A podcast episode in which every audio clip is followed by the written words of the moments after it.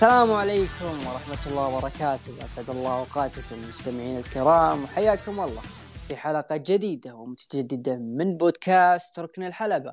للحديث عن آخر أخبار وعروض عالم المصارعة الحرة. في هذه الحلقة 153 بالتعاون مع محتوايز محدثكم أبو عوف. ومعي بتحليل عروض هذا الأسبوع منتج ومبدع ومخرج ركن الحلبة أخونا الغالي عمر. يا هلا والله أبو أيمن. يا هلا يا هلا أبو عوف. كيف الحال؟ عساك عساك بخير؟ إن شاء الله طيبين. آه... يا أخي ثاني مرة يا أخي. مو ثاني مرة بعد مرة مليون يا أخي. أقول لكم لا تمدحون يا أخي. ترى اللي اسويه أنا يا أخي عشان يا أخي أمتع أمتع المشاهدين المستمعين بالمحتوى المرئي. فيعني اللي أنا أسويه ترى. أقل شيء يعني. والأنامل هذه اللي جالسة تطلع ترى ما هي سهلة فلذلك تستحق الشكر. آه يا شيخ يا أخي. الله آه. يعطيك العافية عليك الله أخي ترى شوف ترى إذا ترى ما. أعرف أرد على ترى يعني. يعني خلاص ف- البودكاست الجاي ما في مدح فخلاص بيقول لك العمر وخلاص لا الموضوع. لا تمدح. ها؟ عمر أبو أيمن وخلاص وقف عمر ابو ايمن وقفل امشي خلاص طيب. طبعا في بداية آه، كل شيء حابين نوجه تحية طيبة لإخواننا في تركيا وفي سوريا وفي جميع البلدان التي تضررت جراء الزلازل التي وقعت آه، في الأيام الأخيرة. فنرجو من الله سبحانه وتعالى أن آه، يرحم ميتهم ويشفي آه، مصابهم ويفرج كربة من هو تحت حطام تلك آه، الزلازل. والله يكفينا شر تلك الزلازل والفتن عن بلادنا وعن بلاد المسلمين يا رب العالمين. اللهم آمين. اللهم آمين. الله يكون في عونهم. أي والله الله يكون في عونهم. والله الصور اللي قاعدين نشوفها في الأيام الأخيرة والله شيء مرعب لكن الحمد لله على كل حال. طيب يا عمر ال- الأسبوع هذا كان أسبوع مرة بارد مرة حار كأجواء. يعني انه بعد اللي حلاها إن بعد 24 ساعة راح نكون مقبلين على مباراة الهلال وريال مدريد نهائي كأس العالم للأندية. فأنت ك على ما قال هلال الهوى ومدريد الدم وش بيكون وضعك يوم السبت؟ والله ما أدري اللي بسجل بفرح معه يعني بتشجع الحكم وسجل بسجل آه. لو يسجل غربال بفرح. فبس حدثني يعني عن الهلال وعن مشواره يعني في البطولة كيف كيف شفته خصوصا إنه أصلا الفريقين محليا جالسين يعانون سواء ريال مدريد أو برشلونة آه، ريال مدريد أو الهلال آه، يعانون محليا تذبذب في المستوى مع ذلك تأهلوا لنهائي كأس العالم. خلنا في الهلال أول شيء. هل تشوف أنت أنه طريقه كان سهل وسالك؟ ولا لا والله كان صعب. أنا عن وجهة نظري أشوفه صعب. آه لأن كان الهلال تو راجع من خسارة. آه وش خسارة؟ كاس كاس السوبر إيه، ضد الفيحاء. فكانوا يعني تحت ضغط. حتى بعد شفنا المباراة ضد الوداد كانت يعني بكل صراحة أشوف مباراة سيئة للغاية مباراة عك كروي آه لكن الحمد لله فزنا. هاي شفنا ضد فلامينغو okay يعني صار في يعني في حماس كذا صار يعني okay. فريق ونقول إن شاء الله يعني الله يوفقنا بعد. الله يوفقنا ويوفقهم في النهاية. أي الله يوفقنا ويوفقنا؟ الله يوفقنا ويوفقنا. يب. ف والله أنا بعد ما أدري كيف بيكون وضعي يا أخي ذي السنة أنت تناظر أنت نصراوي برشلوني. إيه، ما راح أناظر. مالك أي علاقة بالمباراة. أيوه أنا بروح أناظر المباراة باستخدام آه، بعض التطبيقات عرفت؟ علشان محتوى ما يناسب فئتي. ف إيه. لأنه صدق يا 365 أخي مدري 300 آه، يب 365 نعم أحسنت. شكرا على المخرج. فمن جد يا أخي مو. معقول يا أخي في ذا الكورة يا أخي. مرة الأبطال ريال مدريد وليفربول كل الفريقين اكرههم كره الأرض. لكن كنت مع ريال مدريد علشان ما أبغى ليفربول عشان ليلة الأنفيلد. والآن تكرر الوضع الهلال وريال مدريد ف يب بكون مع مدريد الصراحة. آه خلينا واقعيين يا اخوان يعني لا تجون تشغلون بممثل الوطن وما أدري إيش. يا أخي أنت عارفين لو كان النصر وكان الهلال أكيد إنكم راح توقفون ضد النصر وشفناكم يعني. لما طلع شوف. بيرسبوليس من رقص أكثر ناس كان الفئة ذيك ممثل الوطن ما ممثل الوطن. أي تبغى نفتح ذا الباب قبل ما ندخل الأخبار؟ أي باب؟ الباب اللي يجي من آه. الريح سده واشتري. أجل خلنا نسد أجل عطنا ال- الأخبار. آه، أخبارنا اليوم آه، يعني حلوة بسيطة جدا. في خبر شوي ضايقني توني قاريه. فراح يكون هو زي ما تقول المركز الأساسي في الأخبار. الخبر الأول يقول أحد كبار نجوم ال WW طلب من الإدارة العمل في اتحاد PWG اللي هو اتحاد Pro Wrestling Guerrilla معروف الاتحاد الانجليزي لخوض نزال هناك. طبعا ما ما تم التلميح من هو أحد النجوم هذول لكن في حال تم موافقة ال WW راح يكون هو ثاني نجم يصارع خارج حلبات ال WW بعد شينسكي ناكامورا. واصلا يا عمر آه، أعتقد بداية الأسبوع يوم الأحد بعد أو اي يوم الأحد بعد Vengeance Day طلع إنه في أخبار إنه ال WW راح تفتح مجال لنجوم NXT إنهم يصارعون في اتحادات انجليزيه لكن الخبر يقول إنه أحد كبار نجوم ال WW فأنت وش شايف الخبر رايح؟ يعني قصدك أي مصارع يعني؟ ولا قصدك كفكرة عامة؟ إي كفكرة عامة ونوعية المصارع. من تشوف إنه مناسب إنه يصارع هناك؟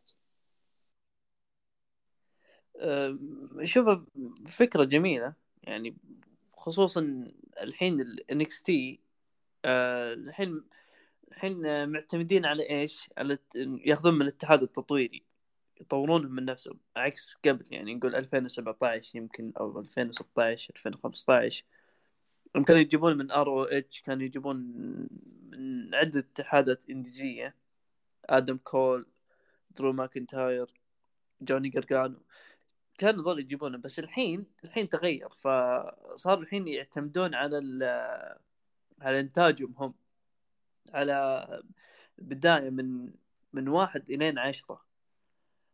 فلم فلما يشوفونهم يتدربون آه، أو يصارعون في اتحادات مستقلة ثانية آه، راح يعني يطورهم بشكل أكبر بعد. بعد يمكن بعد بيكون في تعاون بعد بين ال WWE بين الاتحاد ال- الاتحاد المستقل. فأنا أشوف إنها فكرة حلوة. لكن نوعية فكرة- المصارع. اسلم اسلم.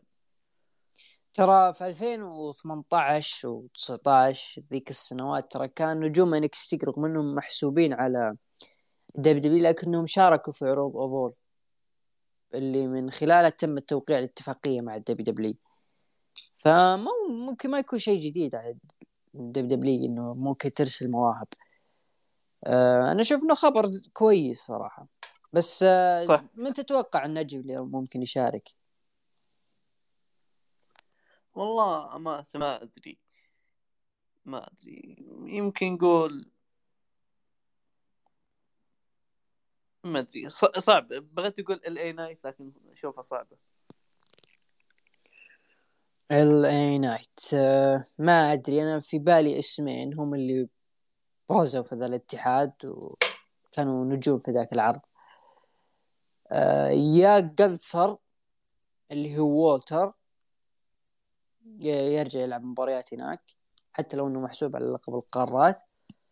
أو مثل ما الناس تتوقع لكن صعبه مع امم لكن صعبه مع اللقب.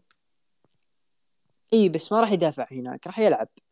أو عادي يدافع هناك زي مثلا بيت دان مثلا لما كان بطل ال UK كان يصارع في الاتحادات هناك في بريطانيا. فعادي. ما أشوف إنها سلبية. ممكن كيفن اونز ممكن كيفن. ليش لا؟ يلعب كم مباراة هناك ويرجع. آه الخبر اللي بعد يقول لك إنه المعلق الأسطوري آه جيري لورر غادر المستشفى وعاد لمنزله آه لبداية إعادة تأهيل بعد تعرض لسكتة دماغية. نتمنى الشفاء العاجل لجيري لورر ونتمنى عافيته في أقرب وقت. الخبر اللي بعده يقول لك تصريح من إيريك بيشوف يقول قصة ال Bloodline أفضل بكثير من قصة NWO. ولكن سيكون لهم نفس التأثير؟ ما ربما لا. آه عمر تصريح هذا ترى تصريح قوي من واحد يعني مثل إريك بيشوف وهو اللي اشتغل على إن دبليو إن دبليو أو. وناس تقول إنه NW هي اللي صنعت إريك بيشوف والعكس تماما. فلما تشوف شخص يطلع هذا التصريح ويفضل Bloodline رغم إنه في نسبة من الجماهير كاره هذه العصابة والسيناريو. ف ما تحس إنه شوي غريب بالذات من اريك بيشوف هو اللي يطلع ويصرح. هو تصريح غريب يعني. لو انتظر مثلا نقول خمس سنوات يمكن أو ثلاث سنوات على أقل تقدير يعني أوكي يعني يمكن يعني راح نقدر نقارنهم. ممكن ممكن حتى. لكن الآن حتى بعد في نص عداوته مع سامي زين عداوتهم فشوفهم من غير منصف إنك الحين تقارنهم تقارنهم من الآن. فشوف شوف زي ما قلت أنت آه، تصريح غريب. طيب هل هي افضل من الان دبليو ولا لا؟ بصراحة. آه أنا قلت خلينا ننتظر شوي. ف شوف هي العصابة على نهاية أبوابها بيني وبينك. القصة على نهاية أبوابها. فمن الأفضل أنت تشوف؟ آه، أكيد أقول NWO. يعني كانت حقبة أيقونية. كان كان بعد آه، آه، كانت.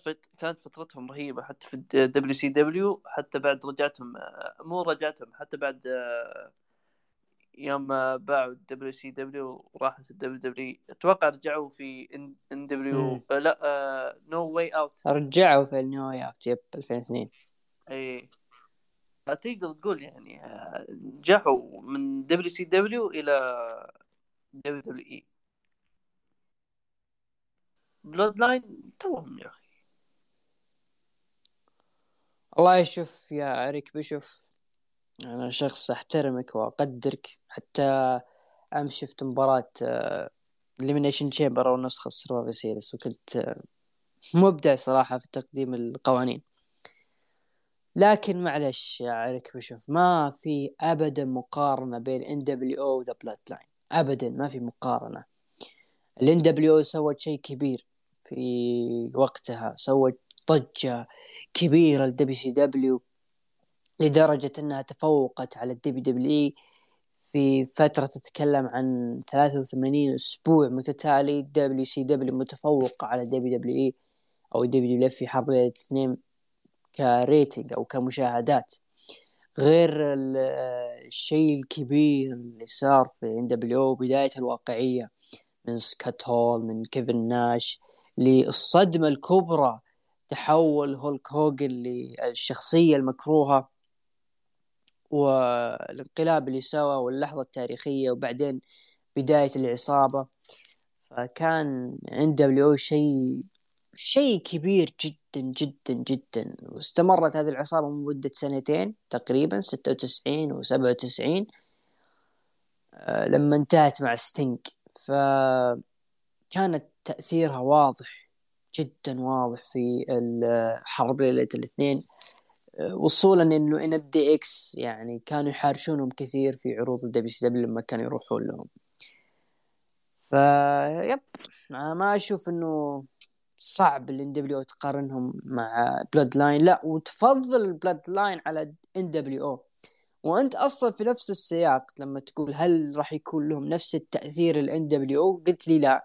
فأنت متأكد يا اريك بيشوف إنه صعب صعب جدا ال Bloodline يكونون مثل ال NWO صعب جدا وقد يصل لمرحلة الاستحالة. ال Bloodline خلينا نكون صريحين يا مستمعين الكرام. ال Bloodline لولا سامي زين ما أدري كيف ال Bloodline كان يعني كيف كان بيكون وضعها كيف إيش القصة والمسار اللي راح تكون ماشي عليه ال Bloodline بعد Clash at the Castle بعد ما خسر درو ماكنتاير ما أدري كيف راح يكون. مسار العد... القصة هذه مع Bloodline ومع سامي زين. ما أدري. أكيد راح خصوصا بعد ما كان فيها ما كان لهم منافس بعد. إي تم طحن جميع المنافسين. ما في إلا سيث رولنز وسيث رولنز أنت بعده لأنه خطر على رومان رينز. فما أدري إيش بيكون Bloodline بدون سامي زين. بالعكس ان دبليو يعني ان دبليو بس اللي خربت لما تفرقوا وصاروا NWO Hollywood و Wolfpac بعدين اجتمعوا واللخبطة اللي صارت. يعني كان ضياع WCW لكن في عز ال NWO الله معلش ما ما في مقارنة. بمجرد الصوتية أو النص لما يقول لك the following announcement has paid by new world order. يعني أنا متأكد عزيزي المستمع إنك قشعرت. من الكلام هذا. فأريك بشوف يعني ما يحتاج. والله ما يحتاج.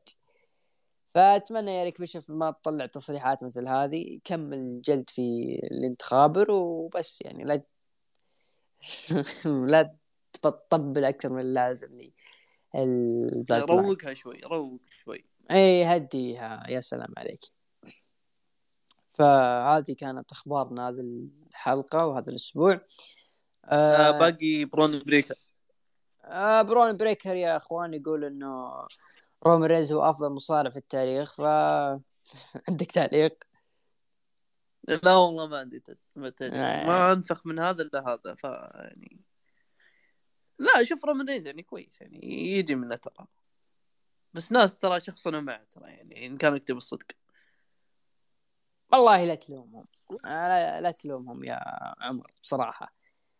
يعني أنا بالنسبة لي زي ما قلت تو Clash the Castle للحين أنقهر منه يا أخي يا أخي ليه ما فاز درو حرام. كان بيكون يوم يوم تاريخي. مغربية بعد رجع بعد تدري إني اكره أك... أكره سولو سيكوا بسبب ذيك اللحظة؟ والحين جاك برون بريكر. آه. رومان رينز أفضل مصارع في التاريخ. ف زي ما قلت يعني ما أنفخ من ذا لهذا فما ما ناخذ منهم الكلام بالصدق يعني. طيب نروح للعروض آه، الأسبوعية. بدأ العرض آه، وقيم العرض في جرينفيل ساوث كارولاينا هذا عرض SmackDown طبعا بدأ بكايلا كانت برا في المواقف تنتظر ال Bloodline ولما طلع رومان رينز كانت تنتظر منه تصريح لكن رومان رينز ما أعطاها وجه وبدأ العرض بمباراة النهائية تصفيات الفرق الفائز راح يواجه الأوسوس على ألقاب فرق SmackDown. برون سترومان وريكوشي ضد ال Imperium. انتهت المباراة بانتصار لبرون سترومان وريكوشي وبالتالي يكونون هم أبطال هذا ال tournament. وراح يواجهون الاوسوس الأسبوع القادم. رأيك يا عمر؟ آه والله قرار سيء يعني آه فريق زي ما قلت أنت خلف الكواليس فريق مركب. يعني كيف ريكوشي وبرون سترومان كيف؟ بعد ضد مين؟ ضد الإمبيريوم. إمبيريوم مؤدين بشكل رائع بشكل جميل. يا أخي كيف تخسرونهم؟ فأنا أشوف أنها مباراة يعني يعني كيف أقول لك؟ يعني خلاص ما سدت نفسي. ما تلا والله ما تلا التورنمنت هذه يا عمر أقدر أشبهها لما تشوف مسلسل حلو وتس... ما بقول اسطوري لكن أنت تستمتع وأنت تشاهد لكن الحلقة الأخيرة تكون خايسة. هذا فعليا اللي صار. إيه بالضبط بالضبط. هذا فعليا اللي صار. المباراة ترى كانت حلوة الصدق يعني. بس ما هي لدرجة إنك تخلي برون سترومان وريكيشي هم اللي يفوزون على الإمبيريوم. ما ابدا ما تستاهل. فما في إلا مخرج واحد قاله عبد الرحمن الأسبوع الماضي. قال إنه ريكوشي وبرون سترومان راح يواجهون الاوسز وري وسترومان راح يقلب على ريكوشي. بس ما في شيء ثاني. لأنه الحرام يا أخي الإمبيريوم واضح إنهم خصوم الاوسس بعد آه، أو خصوم الاوسس القادمين. هم الإمبيريوم. أكثر فريق جاهز. وهذه العصابة قادرة إنها تسيطر على سماك داون بعد البلود لاين. فهذه انسب إن بلود لاين هي ضيعت NW بلود لاين بغيت بغيت أقول NW. ف فعلا حرام يا أخي إنه الإمبريوم يا أخي بدل ما تفوزهم ويلعبون مع الأوسوس بس بدل ما يعني زي ما سويت مع الفايكنج ما تخسرهم بشكل نظيف أو إن خسرتهم تخ... تحاول آه... يعني هذا واحد يرسل صورة جون سينا خلوهم اسطورة يا أخوان. بعدين تفاهموا. الله يهديك طاحة بالأفكار إيش كنت أقول؟ إيه آه، حاول تخ... طلعهم over حتى لو يخسرون. بعدين لما تبني مباراة بشكل صح في الرسلمانيا هنا يفوزون الامبيريوم في لحظة بتخلي المشاهد ها هل رومان رينز راح يخسر ألقاب العالم ولا لا؟ راح يحتفظ فيها. فأنا خايف والله إنه الامبيريوم يسلكون مسلك الفايكنج يتم تدميرهم بشكل سيء جدا.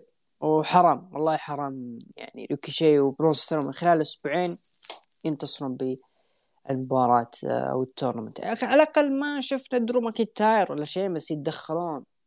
كلهم سبب. ليش أنتم أخذتوا فرصنا ولا يا إلى آخره؟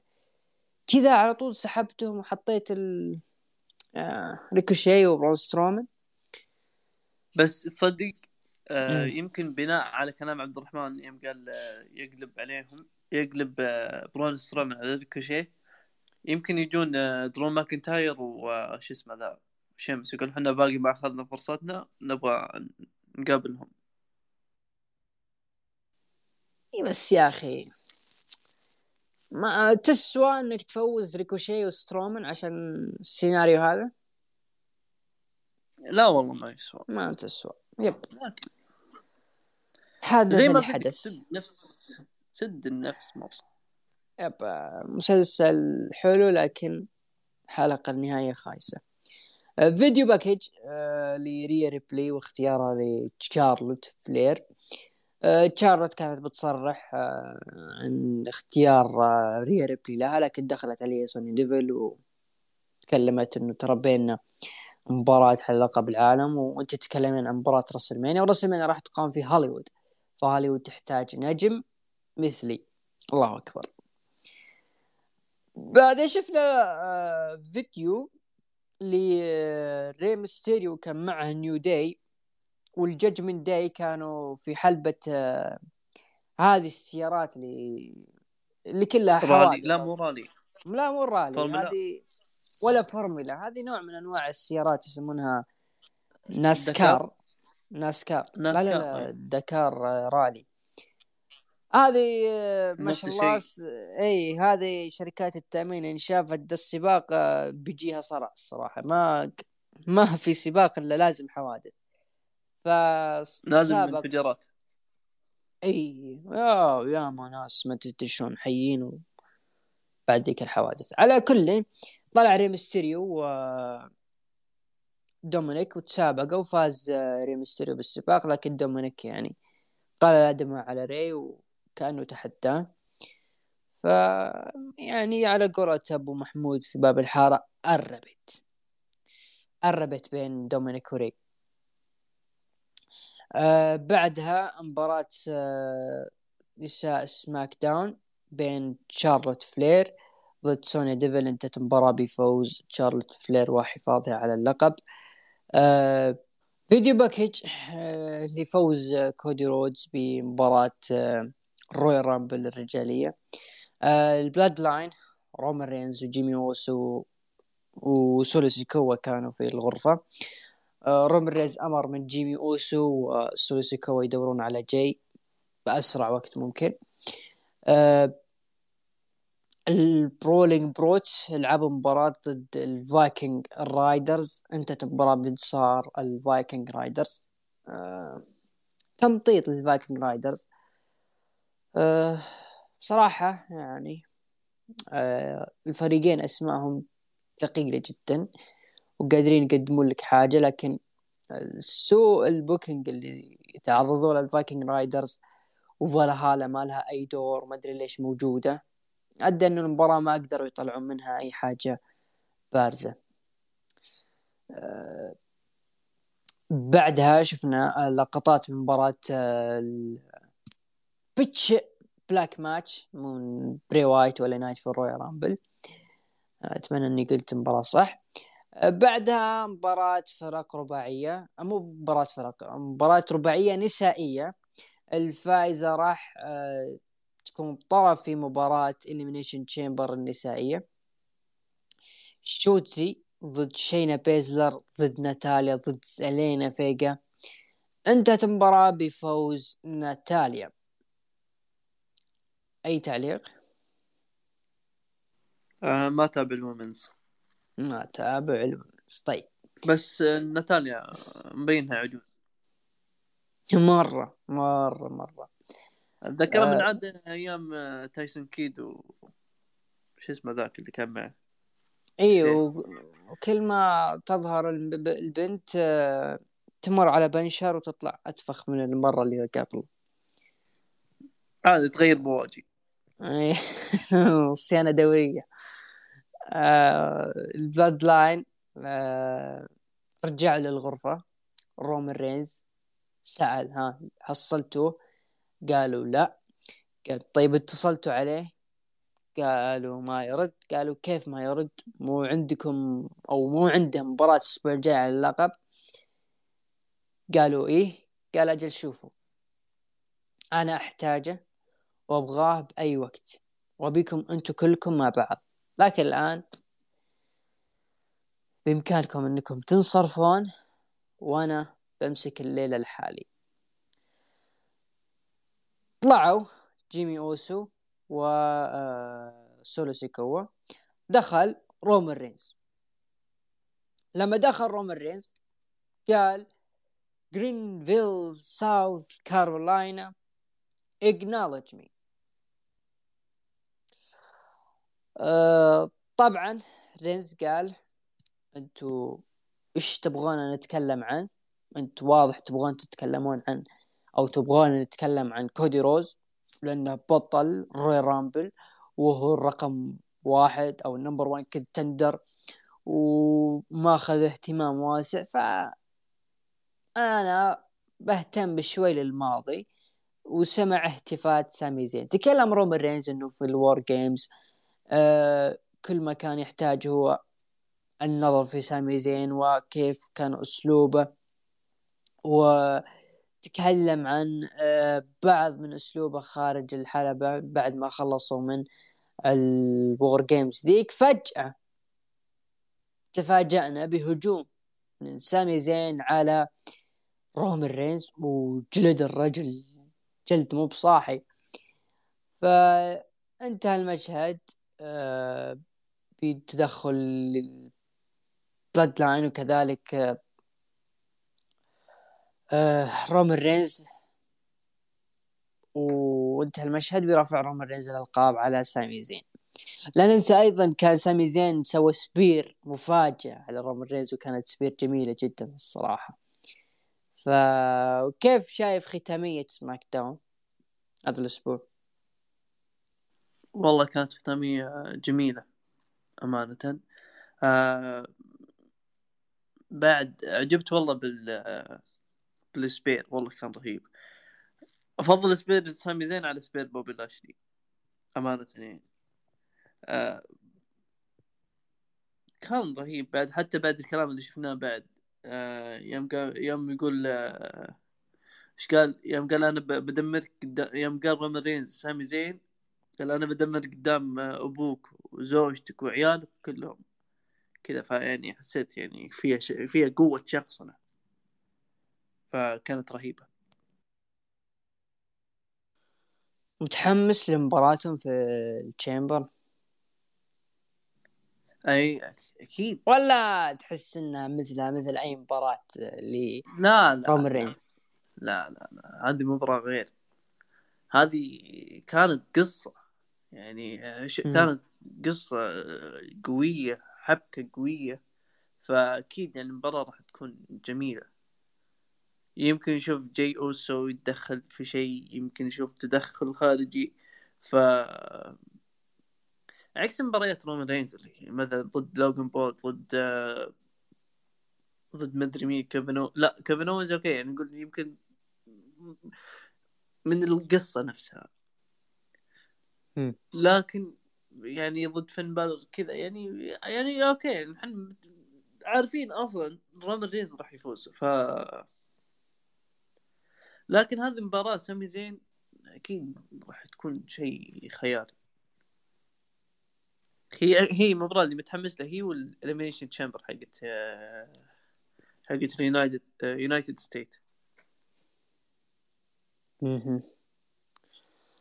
والله شوف آه، أنا مثلك متحمس وأشوف كيف ممكن تسير المباراة خصوصا مونتريال كندا آه، مدينة سامي زين. آه، لكن أنا بذكر الجماهير أو المستمعين إنه سامي زين سبق وواجه ذا ميز في كندا في Survivor Series 2016 والنهاية كانت نفس نهاية screwjob. فهل تتوقع في screwjob مثلا من جاي أوسو؟ يقلب على سامي زين؟ يمكن. يمكن العكس. يمكن ما أدري. آه، أنا ما أدري. لا لكن- العكس العكس ممكن إذا انتهت المباراة بال DQ لصالح سامي زين مع احتفاظ رومان رينز بالألقاب. إيه هذه. هذه يمكن تصير. ف صح، إيه. هذه بيني وبينك هذه الأقرب صراحة. لأنه إذا فزت على سامي زين ف خلاص واضحة كودي اللي بيفوز. وباللقبين فهمت؟ لكن لو. مثلا انتهت بال DQ لصالح سامي زين أو لصالح رومان رينز بتدخل من جي أوسو أو بتدخل من كيفن اونز والاثنين يكونون بجانب آه، أو أحدهم. نشوف كيفن يكون بجانب سامي زين لأنه كل ال... الأيام اللي راحت كان سامي بجانب كيفن. ما قد شفنا كيفن بجانب سامي. فغالبا كيفن راح يكون بجانب سامي. يقود ال over آه، اللي شايله الرجل حاليا. مع كودي روز. ترى كودي روز شغال. جالس شاد حيله لكن سامي أنا أشوفه جاهز أكثر من كودي. فلعل وعسى أن المباراة تنتهي هذيك بال DQ. و نشوف عاد شوف الاثنين. الثلاثية؟ أنا أشوف إنها ثلاثية. يب. حتى أنا بعد معك. ثلاثية. آه ثلاثية وذروك بيرجع. أنا لازلت مقتنع انه ذروك راح يكون له رجع. وإن ما رجع فرومان يدافع ليلة بلقب والليلة الثانية بلقب آخر. وأعتقد سامي زين راح يكون الليلة الثانية. وكودي الليلة الأولى. فيب هذا اللي بيصير. أنا أشوف مناسب. باريستا و- يقول آه، يشوف إن آه، كيفن أوز وسامي زين آه، راح يروحون على الألقاب. يا أخي شوف سبق سووها كيفن أوز وسامي زين ثنائية اليب إذا تذكرها 2017 إيه. بس ما استفادوا منها الصراحة. ضد شين مكمان صح؟ شين مكمان كان منها إيه. يعني حرام كان كيفن اونز مسوي شغل مثل مثل سامي زين الآن. مثل سامي زين بالضبط. الناس over معه وكان آه، يعني تخيل درجة إنه ما يد- يدي على فينس مكمان أنت متخيل؟ هاجم فينس مكمان. إيه. فهذا شيء مو بسهل. آه وكان بطل الدبليو دبليو وقتها جندر مهال فحرام يعني ما فوزوا كيفن اونز وما أعطوه فرصة يكون هو واجهة سماك داون ذيك الفترة رغم إنه كان مشى فترة على الالعاب تعيسة فترة تعيسة ذيك الأيام. يعني وبالنهاية فاز آه ايجي ستايلز وذاك آه، كملوا الثنائية وبالنهاية بطحوا الاثنين لشين ماكمان ودانيال براين. فما استفادوا من الثنائية هذه. حتى بالرامبل لعبوا مع ستايلز وكانت ثنائيتهم تعيسة. أنا إنسان بيني وبينكم متشائم للماضي. ما ودي شيء يتكرر خصوصا إذا كان الماضي مو كويس عرفت؟ فاحاول إيه. أجيب شيء جديد fresh في ظل الناس متحمسين مع سامي. لأنه ما أعتقد إنه سامي راح أو في نجم ممكن ياخذ ال over اللي أخذه سامي إلا ممكن اثنين درو ماكنتاير أو سيث رولينز. مو الاثنين انت مبعدهم عن رومان لأنهم خطر. ما في إلا سامي هو اللي يقدر يشيل هذا ال over. طيب أه تقييمك لعرض سماك داون؟ سبعة من عشرة. سبعة من عشرة. أنا أشوفه جيد مثلك سبعة من عشرة ستة ونص من عشرة. هي اللي خربها مباراة سترومان و اللي هو آه، الإمبيريوم. روح آه، تقييم. حومة السبت يا حومة السبت حومة السبت أه تقييم المستمعين أعطوا من 9 ل 10 18% ومن 5 إلى 8 64% وأقل من 5 أعطوه 18% كان هذا عرض سماك داون هذا الأسبوع.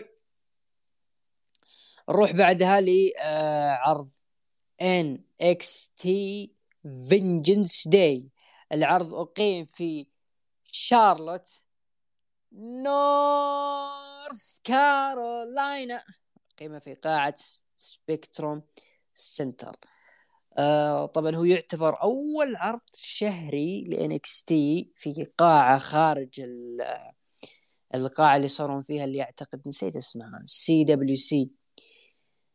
فيب هذه أول قاعة لهم. بعد آه مهرجان ستاند ديليفر اللي كان في موسم الرسلمانيا العام الماضي. آه العرض بدأ بمباراة على لقب شمال أمريكا. ويسلي ضد داي جاك انتهت المباراة بانتصار لويسلي وحفاظه على اللقب. شوفوا بداية يا أخوان يعني لما ي... أي عرض شهري تقدم الدبليو دبليو يكون بدايته شمال أمريكا أو بطولة الفرق فاعرف إنه العرض راح يكون ممتاز. ويسلي وداي جاك قدموا مباراة ممتعة جدا مباراة حلوة. آه ويسلي كان له طول الذراع والسيطرة في المباراة وهذا أنا استغربته. كون إنه الأشهر الماضية أو الفترة الماضية اللي كان في طور بناء هذه المباراة كان وسلي هو اللي ماسك ال... أو دايجاك هو اللي ماسك ألو... الوضع وبناء وإلى آخره لكن بالنهاية فاز آه، وسلي وأنا ملاحظ يا عمر الفترة آه إنه النجم لما يخسر ما يكون جاهز. شفت أنا حسيت دايجاك ما كان جاهز مرة لياقيا إنه يواجه ويسلي أو إنه لياقة ويسلي وسرعة أدائه هي اللي خانت دايجاك ما أدري. آه، شفتها لدايجاك شفتها ل آه، آدم كول العام. ما أدري. أنا ملاحظ إنه النجوم صاروا إذا يخسر فرصة كان هو شايل العرض يزعل وما يقدم لك أداء ممتاز. لكن المباراة بشكل عام كانت حلوة. فوز ويسلي بعد انكسر بعد الاصبع أهم شيء الإصبع. أنت ما. اهتم ما اهتميت للمباراة ولا شفت شيء. أنا شفت الإصبع بس أنتو. إيه. أهم طيب. شيء شوف أهم شيء في العرض الإصبع بس. دا جريوس. استغفر الله وتوب إليه. من عوج الإصبع؟ يا- شفت شفت الصورة حقته يا أخي في الأشعة السينية. مسكين والله مسكين. اللهم لا شماتة. بعد فوز جاك بري, وا... بري وايت بعده مريك الاصبع حقه بعد. كلهم. صار نعم. اتحاد آه، اصابع مكسورة. الحمد لله اصابعي طيبة ما فيها أي خلل. أنت شوف أصابعك طيبة ولا بعد ولا خلها مستورة بس؟ لا لا خلها مكسورة ما, ما كل اصابع مكسورة. أي صح. ففوز لي ويسلي آه، يعطيه ثقة بنفسه أكثر. واضح خلاص إنه ويسلي وداي جاك وتوني دي انجلو هم اللي راح يكملون ل Stand Deliver راح تكون مباراة ثلاثية. فمباراة حلوة. حتى ديف ملزر أعطاها أربعة ونص. فتقييم قصدك. بس يعني تنويه للمستمعين ترى أنا متابع غير جيد لل NXT فيعني ما أعرف فيه أي شيء ترى. يعني أعرف بس اسماء مصابع آه، مصارعين. آه، مصابع. okay. مصابعين إيه. ف بس سؤال الحين. هل ويز... ويزلي هذا هو اللي مع North America صح؟ إيه. okay. بس هذا سؤالك؟ بس هذا سؤالي. كاني إيه. أنا الحين أنا الحين قاعد أطلع صوتي المست... المستمعين الحين. لا أسئلة- هو. إيه. اسئله أسئلة حتى إحنا ما ما, ما شفنا الأسئلة هذه. لا هو بطل شمال أمريكا الحين. بس بسألك يا عمر الحين سؤال أنت في الجبال ولا في الخبر ولا وينك فيه أنت؟ أنا في بيتي. حلو تمام إيه ليه؟ لا هذا سؤالك تو وش لي اللي مع اللقب ولا لا؟ آه okay حلو إيه المباراة اللي بعدها مباراة آه، فرق نساء NXT فالون هيلي وكيانا جيمس ضد كيدن كارتر وكاتانا تشانس انتهت المباراة بفوز فالون هيلي وكيانا جيمس و آه، فوزهم بالألقاب وانتزاعهم من كاتانا تشانس وكيدن كارتر. أنا استغربت صراحة لأنه هذا فريق مركب فالون هيلي وكيانا جيمس واصلا الفرق النسائية ما في ما في أي فرق يعني فرق فرق ما في التركيب. فكان NXT ماشي بمسار إنه ما يخسره إلا أو ما يفوز باللقب الا فريق مثل ال Toxic مثل هذا كيدن كارتر وكاتانا تشانس. لكن هذه المرة فالون هيلي وكيانا جيمس. ممكن السبب فوزهم إنه شوي آه خلينا نقول تغيير جو ل آه، لقب نساء NXT وما ردوا آه اللهم صل على محمد آه مرده اللي هم كيدن كارتر وكتانا تشانس هم اللي راح يستعيدون ألقابهم أو يتصعد الاثنين اللي يواجهون آه آه إيو سكاي وداكوتا كاي نشوف وش بيصير بعد Stand Deliver عندي بس آه، مداخلة بسيطة بس. إيه. أنت قلت فريق مركب. مم. هذه ترى هذه المفروض ندخلها في قاموس ياسين. ياسين الحين ترى مسوي قاموس حط قاموس ياسين. فأتمنى إضافة هذه الكلمة فريق مركب. إيه فريق المركب يعني لما يجوك اثنين وفجأة يصيرون آه، زي ما تقول آه، فريق ومع ذلك يفوزوا بالألقاب فريق يلخم كذا ما ما ما تعرف إيش السالفة وش وش فيه مم. لكن ترى مو دائما الفريق المركب ترى آه، تعبان لا بالعكس يعني زي عندك مثلا. عندك التيبار يب فريق مركب ذباب. و ذبار مو تيبار. تيبار هذاك اللي مك- مكسور. إيه ليل. الذبار يب. إيه. إيه ذبار. ف إيه. إي كان فريق مركب لكن مع ذلك صنعوا التاريخ وقدموا لحظة جميلة. يعني كلنا نذكر 2016 و17 إيه. خصوصا فكان مع فريق- نيكولي أوف كانت رهيبة جميل جدا. المباراة اللي بعدها مباراة كانت حلوة مرة. كارميلو هايز ضد أبولو كروز. انتهت المباراة بفوز. كارميلو هايز. طبعا مباراة تثبيتين من أصل ثلاثة. انتهت لكارميلو هايز بنتيجة نظيفة. 2-0 wow يا كارميلو هايز. wow. مباراة طبعا جميلة جدا. آه بس اللي خربها إنه اللي كان موجود مع أبولو آه ما أدري تذكره يا عمر ولا لا اللي هو الكماندر عزيز. كوماندر عزيز. إيه هذيك. هذاك مين اللي ما يعرف مين اللي ما ينساه؟ مين اللي نساه أصلا؟ ما يمكن أحد نسى ما تدري يعني. تعرف الإنسان خلق أو سمي انسان لأنه ينسى. طبعا ظهر الكوماندر عزيز لكن ما هو اسمه عزيز ولا هو ب commander شالوا عنه الرتبة. صار اسمه يا طويل العمر دبكاتو خلوه مواطن عادي. أيوه خلوه مواطن عادي. طبعا اللي صار إنه كان بجانب أبولو كروز لما خسر أبولو آه جاء عند ابولو وحضنه وهاجم عليه. طبعا آه ما أشوف في أي شيء حلو منتظر من أبولو كروز ودباكوتا ما أدري وش اسم أمه هذا. يمكن آه عشان ما شفناه في الحلبة أصلا صار. بس ولو يا أخي أنت ماسك الآن مباراة حلوة بعد كارميلو هايز وشفت أداء جدا جميل. من كارميلو. بالنهاية تروح تدب لي أبولو مع كوماندر عزيز؟ حرام عليك يا أخي. على الأقل الرجل قدره بشيء ممتاز يعني. okay الرجل النجم ما راح يروح بعيد مهما كان يظل ابولو كروز بس ولو ما تحطه مع كوماندر عزيز. يعني كانها إيه جي ستايلز اومس كانها اومس وبوبي لاشلي. كررتها الآن مع أبولو كروز يعني تخيل. بوبي لاشلي يخسر لقب WW منه ويروح يلعب في ال WrestleMania مع أومس. فهذه تكررت. ابولو كروز خلص عداوة جدا جميلة مع كارميلو هايز. طلع كارميلو هايز كنجم ممتاز جدا. ويا رجل خسر بشكل نظيف. وأبولو كروز هو اللي متحدي المباراة تكون تثبيتين من أصل ثلاثة. ومع ذلك يخسر أبولو بنتيجة نظيفة. تروح ترميه مع كوماندر عزيز. فمشكلة. مشكلة صراحة. لكن تحية للاثنين قدموا شغل نظيف جدا ممتاز. فسعيدنا جدا إنه كارميلو هايز انتصر لأنه يستحق يكون 2 0 يعني. اكتساح آه كامل. جدا. وكارميلو هايز له دور آه نجي في نهاية العرض. أو ممكن ما راح نجيه الآن راح نجي لعرض NXT لأنه في كلام كبير عن كارميلو هايز. المباراة اللي بعدها مباراة فرق آه يعني أربع فرق تتنافس على لقب NXT للفرق. نيو داي يدافعون ألقابهم ضد الجالوس ضد البريتي ديدلي ضد التشيز يو أندري تشيس ودوك هدسون انتهت المباراة بانتصار للجالوس وانتزاعهم لألقاب الفرق من النيو داي صراحة انتصار مفاجئ. لا أخفيك يا عمر تفاجأت أنه الجالوس هم اللي فازوا. كنت أتوقع أن النيو داي يحافظون على ألقابهم. آه يكون البريتي ديدلي انتهى ال rematch حقهم لكن الجالوس راح ياخذون وقتهم مع نيو داي. لكن تفاجأت إنه الجالوس هم اللي فازوا.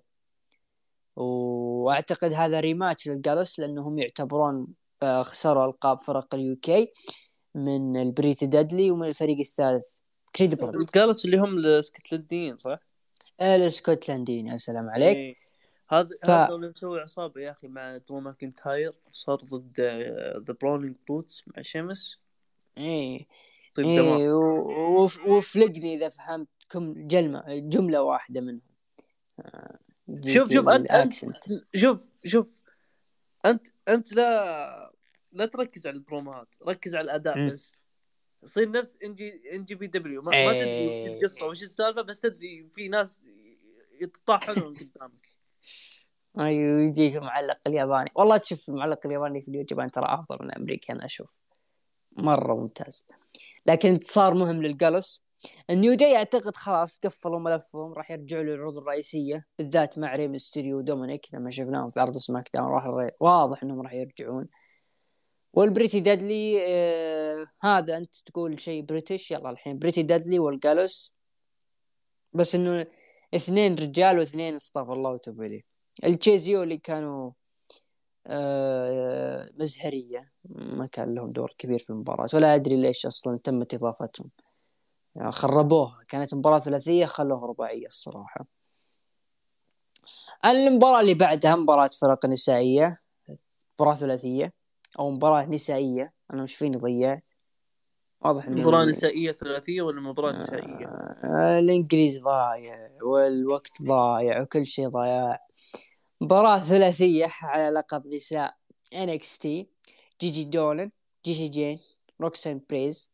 فازت روكسين بريز وحافظت على اللقب. تقريبا آه، روكسين بريز لسه بدايتها كبطلة وجيجي دولن وجيسي جين آه، راح يكملون مسارهم كعداوة. الحين سؤال بس الحين المصارع المنافسين الاثنين ما, ما في ماندي ترى ها؟ ها؟ ما في لا لا وش يبي بماندي يعني الحين؟ إيش في جيجي وفي جيسي صح؟ ولا كلهم جيجي؟ لا لا في جيجي دولن وجيسي جين جيسي okay. حسبتك قلت جي جي وجي جي قلت شيطان الناس الفاضيين؟ آه لا لا في قلت okay يعني شون مايكلز احول بال شو اسمه ذا صار أحول بس يعني ما يحول بالأسماء بعد. والله ما نستغرب. آه، شون مايكلز مسكين الرجال. لكن زي ما قلت جيجي دولن جيسي جين راح يكملون خطهم كعداوة والعداوة بدأت تسخن أكثر وأكثر. فنجيهم إن شاء الله في عرض NXT روكسان بريز اللي ما لها خصم مساكينه لازم يرجعون كورا جيد من جديد للمنافسة على اللقب ولا ما لها أي فائدة أنا داري داري عبد الرحمن تقول لي ألبا فاير ألبا فاير. ما راح تفوز. انسى تفوز دام إنها مع آيلا دون نروح لي آه المباراة ال main event الحدث الرئيسي. مباراة steel cage على لقب NXT برون بريكر ضد جريسون وولر. انتهت المباراة بفوز برون بريكر وحفاظه على اللقب. لا حول ولا قوة إلا بالله. جريسون وولر يا ناس ما توقعت إني يعني بكون زعلان لهالدرجة لأنه جريسون وولر كان هو اللي شايل العداوة بين الاثنين. وكان ماسك العداوة بالطول وبالعرض. حتى في إضافات في العداوة تحس إنه جريسون هو اللي كان مسوي الإضافات هذه لما تكلم عن لما جاب الحديدة ولما جاب لقب NXT نسخة منه خلاص يعني ما أدري هل على قولتك الاحول شون مايكلز عنده فكرة كيف بيتعامل مع منافس برون بريكر القادم. أكثر من اللي سواه جريسون ما أعتقد صراحة. بس بيسوون نفس رومان رينز بي... شو اسمه بيضخمونه بيضخمونه إلى ما يلاقون ولا منافس.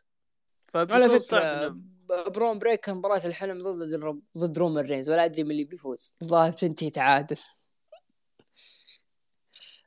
والله يا أخي في بالي فكرة. مقفل الموضوع. ففعلا هنا برون بريكر يعني ما أشوف إنه يستاهل يفوز في هذه المباراة صراحة.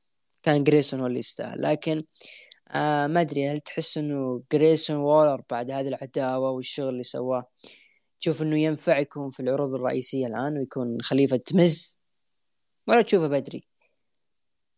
لا لا لا. لازم يصعدونه والله. لازم يصعدونه. طبعا نهاية العرض كان طيب. له هايز. إي. كل الكلام بس ما تقلد صوتي. وشو فيه؟ أنت قلت وش أنت كأنك تهزيت علي. لا والله ما قلت شيء ابدا ما قلت شيء يا إخوان. خلينا نقلب برومو هنا. ما لم أقل شيئا قط. آه أنت كنت سمعت شيء أنا ما أدري عنها الله هذه يا إلهي ما الذي يحدث. يا إلهي طبعا الوضع في وقت متأخر من الليل والاثنين ضايعين فالله يعين. ومح... آه. ومحدثكم بعد مزكم شوي. محدثكم مزكم واللي قاعد يتكلم الآن جوع لحد الآن ما قاعد تعشى فالله يعين. وبكرة الهلال وريال مدريد. رونالدو جاب يعني أربعة يعني ماشي جاب سوبر هاتريك. يعني. هي ضغوطات العمل ضغوطات يا مستمعين فيعني الله يعين. طبعا كارميلو هايس قفل العرض لما شاف برون بريكر face to face ف في واحد كنت أفكر فيه إنه ليش ما يكون هو خصم برون بريكر آه كارميلو هايس. أحس إنه بدري. لكن فعلا هذا الرجال طلع وشفناه في العرض حق NXT الأسبوعي. وبنجي الآن وبنحلل وبنقارن بين الاثنين كارميلو و آه النجم القادم. طبعا عرض NXT Vengeance Day تقييم المستمعين اعطوا من 9 ل 10 20% من 5 ل 8 50% واقل من 5 اعطوا 30% أنا أشوف إنه عرض جيد الصراحة. آه ممكن ثمانية سبعة شوف منطقي جدا.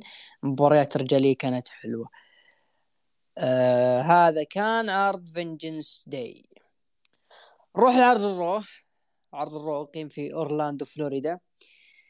آه قاعة اللي موجود فيها البورفيرم سنتر مركز الأداء و تي في ذاك سنتر آه طبعا بدأ العرض ب آه ايدج وبث فينيكس.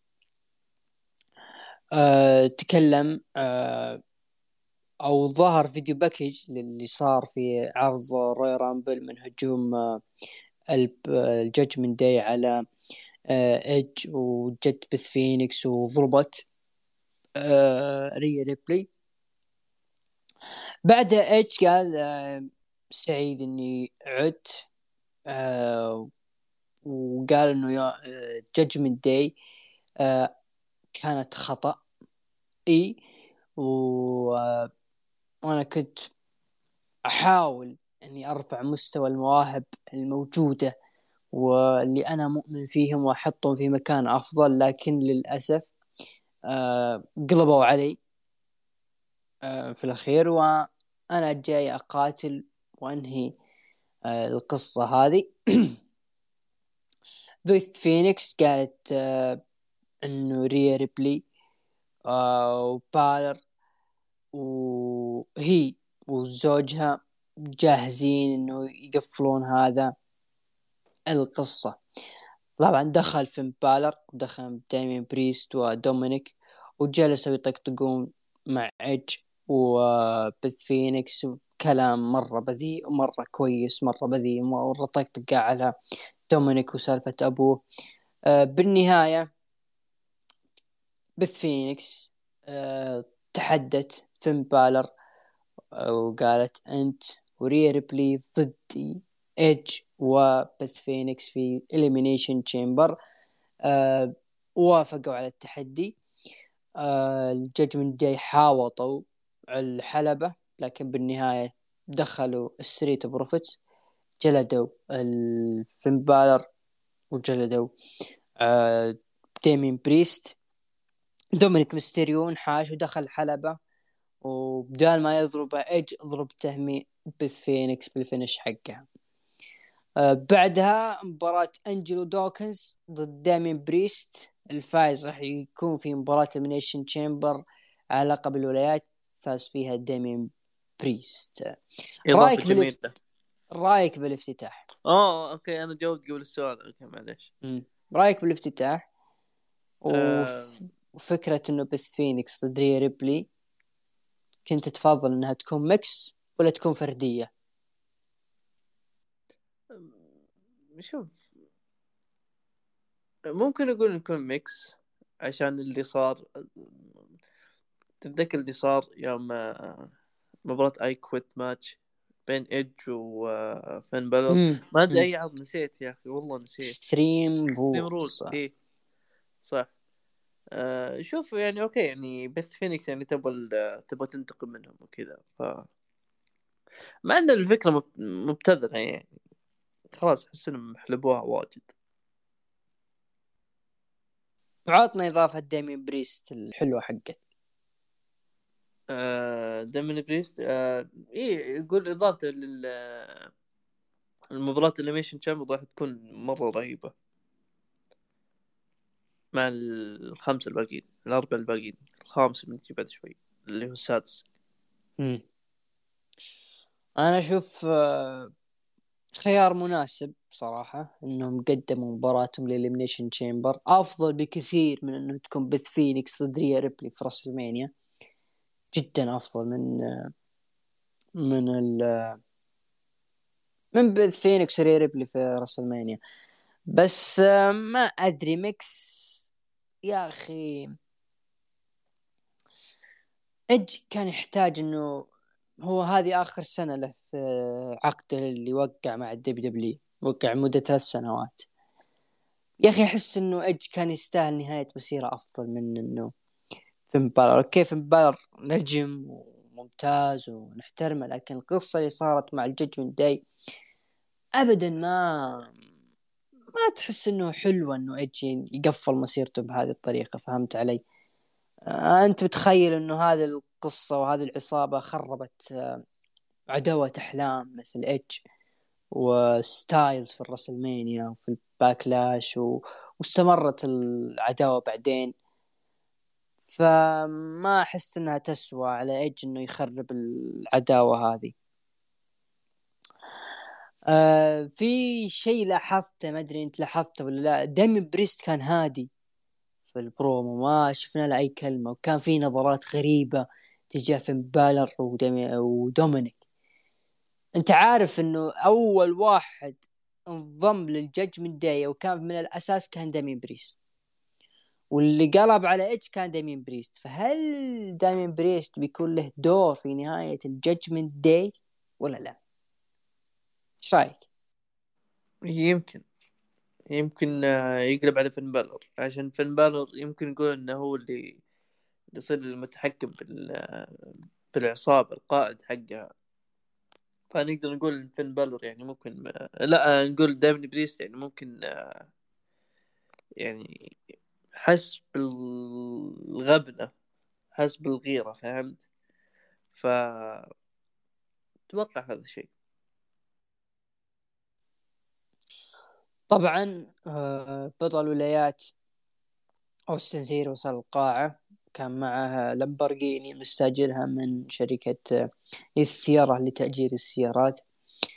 آه video package لل Bloodline آه بعدها شفنا آه يعني اللي صار بين تشيلسي جرين وآدم بيرس ظهر بيخلونها زي ما تقول آه، تمهيد لعودة آه زاك رايدر. في آه، عروض WWE. دام إنه كل شوي تشيلسي جرين. ناشبة. ناشبة لأدم بيرس. فواضحة واضحة إنه في عودة قريبة لها. أه تتوقع بينجح؟ ما كردونا كردونا كردونا ولا إيش؟ والله ما أدري. ما ماني منتظر من نجاح الصراحة. ممكن يقدم شيء لكنه بيرجع كمت كابتر بس. تبلية روستر. اي مستحيل مستحيل راح يعني بيكون يعني مين إيفنتر. مستحيل هذه خالصين منها. يمكن يعني نقول مثلا ضد أوستن ثيري كذا ضد كذا يعني okay حلوة أبي يرجع mid-carder ما راح يرجع كنجم كبير فهمت؟ أو main event ممكن يقدم ما راح يسوي نفس درو ماكنتاير. ابدا. ابدا. يا دام إنك فتحت هذا الملف. يا أخي شوف درو ماكنتاير لما جالس صارع في ال indies وبنى نفسه بشكل جيد حتى لما رجع WWE مكمل على نفس النس... النسق والرجل نجح وكسب الرهان لكن كان اللي كان واقف بوجهه كان كورونا. ما أعتقد إنه لا مات كردونا ولا كودي روز راح يكونون مثل درو ماكنتاير مع احترامي لهم صراحة. حتى لو ربوا عوارض نفسه. إيه. فلا أتوقع زاك زاك رايدر عنده عوارض عنده عوارض هو. اللي هو أصلا عنده عوارض. بس ما إيه. بس ما مع راديو. راديو بيشيله yep. المباراة اللي بعدها ديكستر لومس ضد بارون كوربن. فاز ديكستر لومس أي تعليق؟ لا skip skip كان الله في عونكم يا محبين بارون كوربن معلش باريستا بس يعني إيش نسوي بعد؟ هذا عاد يعني على قولتهم لابد تعرف كيف تختار بطلك. دخل آه، أنت برو... أول شيء أعرف أختار من بطلك جون سينا أجل ها؟ إيه الحمد لله. 16 مرة بطل.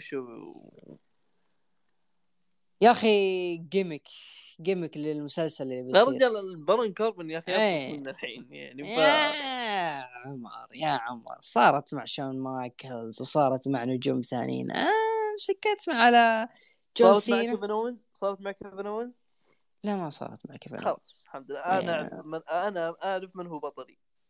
أنت بطلك كيفن اونز وبري وايت. بري وايت يعني ها صار الحين يعني أموره مو بطيبه ذا الأيام يعني.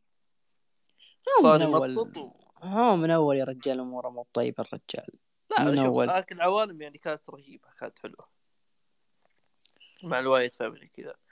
لكن الحين ما أدري ما اقتنعت فيه إلى الآن. الزبدة حافظ على بطلك ها؟ لا تشوفه يوم من الأيام ضايع يعني. لا لا رهيب رهيب يخل يخلص من أوستن ويروح يلعب لي عداوة مع إلياس بشخصية آه، شو اسمه؟ شو اسمه إلياس كان؟ إيزيكيل إيزيكيل. هذا بطلك يا عمر لا يا أخي على الأقل لعب مع مصارع يعني. ما, ما لبس فستان ما أدري لبس النوره ما أدري إيش. سانتينو مريلا okay طيب. آه سانتينا سانتيانا سانتا اللي هو سانتياغو برنابيو. بروك ليزنر دخل وحيا جماهير أورلاندو وسألهم إذا كان شاف ال Royal Rumble لأنه مر بتجربة سيئة لأنه اقصي بالسرعه وعلى من؟ على بوبي لاشلي وبوبي لاشلي اللي يحاول إنه يسيطر على بروك ليزنر لكن بوبي لاشلي هو اللي يسيطر على بروك ليزنر آه. بروك ليزنر راح ينتهي منه بسرعة على طريقة ستيك على قولة ليزنر. وبعدها ليزنر بدأ يخبص في الكلام وضيع يحسب إنه في ال UFC الله يهديه. لين ما دخل بوبي لاشلي. دخل بوبي لاشلي وقال إنه من اللطيف إنه يعني تتكلم عن مباراة ال Royal Rumble وعن إقصائك. فهذا دليل على إنك أه الأمور تعتقد إنها راح تمشي زي ما أنت تبغى. لا أنا راح أو أجيب وكيلي ومدير أعمالي وراح ياخذون آه شروطك هذه بعين الاعتبار أو الاعتبار. قال منهم في النهاية بروك ليزنر أعطاه F5 وانتهى المشهد بسيطرة بروك ليزنر على بوبي لاشلي. أه مسك الختام اقترب. حتى الآن ما ندري هل هو راح يكون بال Elimination Chamber ولا لا. ظل إنه التسريبات تقول إنه اقترب كثيرا جانثر ضد بروك ليزنر. لكن تكرر الموضوع أكثر لما قال بوبي لاشلي إني راح أجيب مدير أعمالي. هم اللي راح ينظرون في آه، مباراتنا وكذلك يعني لمح أكثر من مرة إنه خلاص ال Hurt Business راح يرجعون. آه، أول شيء رأيك ببرومو بروك ليزنر وبوبي لاشلي. اثنين هل راح يكون MVP إضافة كبيرة لبوبي لاشلي وبروك ليزنر رغم إنها في نهاية العداوة؟ آه برومو بشكل عام يعني لم آه بوبي لمح لنا بال Hurt Business زي ما قلت يعني كان كان جيد نوعا ما. يعني أعلى من الجيد تقريبا يعني. آه بخصوص مباراتهم أو قصدك إضافة MVP لمباراتهم خصوصا إنها آخر شيء يعني okay يعني يمكن نقول بناء يعني بناء البوبي لاشلي بناء ال Hurt Business آه يمكن بعد Hurt Business بعد يمكن اسمائهم راح تكبر بعد زيادة غير عن آه شو اسمه سيدريك وشيلتون بنجامين. ف يمكن راح يكون شيء أسطوري. يمكن بناء بناء Triple H ال Hurt Business حق Triple H راح يختلف عن ال Hurt Business حق فينس ماكمان ف فأنا أشوف يعني يمكن يمكن يأثرون في نتيجة المباراة يمكن يتدخلون. فشوف يعني شيء كويس تقريبا. أنا ليش أقول تقريبا تقريبا. شلتن بنجمن وسيدريك ألكسندر لعبوا مباراة ضد تشاد جيبل واوتس فازوا شلتن بنجمن واوتس آه ضد ميتشن ميا يم ضد كاندس ليري ضد بيبر نيفن. الفائز راح تكون الطرف الأخير في مباراة آه، لقب نساء رو فازت وبكذا يكون مباراة النساء. آسكا ضد راكيل رودريغز ضد ليف مورغان ضد نيكي كروس ضد ناتاليا. ومعهم كارميلا آه زي ما قلت يا عمر آه خلاص واضح إنه الهارت بزنس اقترب أكثر. دام إنه شلتن بيجي وسيدريك الكسندر كان معهم إم في بي. ودام إنه بوبي لاشلي قال إنه راح أكلم مدير أعمالي ومحاميي يناظرون في شروطك فخلاص الهارت بزنس عائدون. ذا ميز كان موجود في مقابلة مع كيثي كيلي لكن قاطع ريك بوقز ماني مهتم للي بيصير بينهم. آسكا ضد تشيلسي جرين فازت آسكا.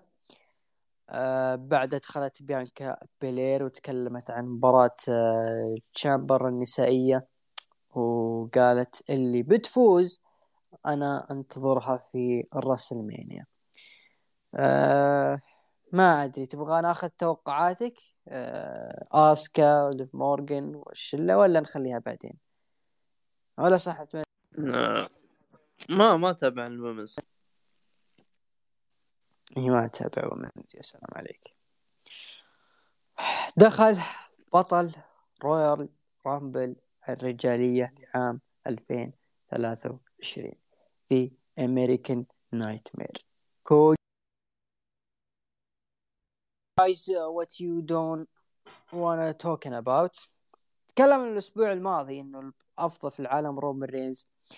أه حاليا هو في حالة ضبابية لأنه راح يخلي أو راح يضع ألقابه على المحك في إليمينيشن تشامبر ضد رجل يتمتع بزخم وشعبية الجماهير وهو سامي زين في مسقط رأسه. آه، يبدو أنه رسلمانيا إما راح يواجه سامي زين أو إما راح يواجه رومان رينز. لكنه بالنهاية سعيد لأنه راح يفوز مع أفضل رجل في العالم في حال. قاطع بول هيمن وقال كوني المستشار والرجل الحكيم لي tribal chief the hero of the table the WWE Universal the wise man. WWE Universal Undisputed Champion.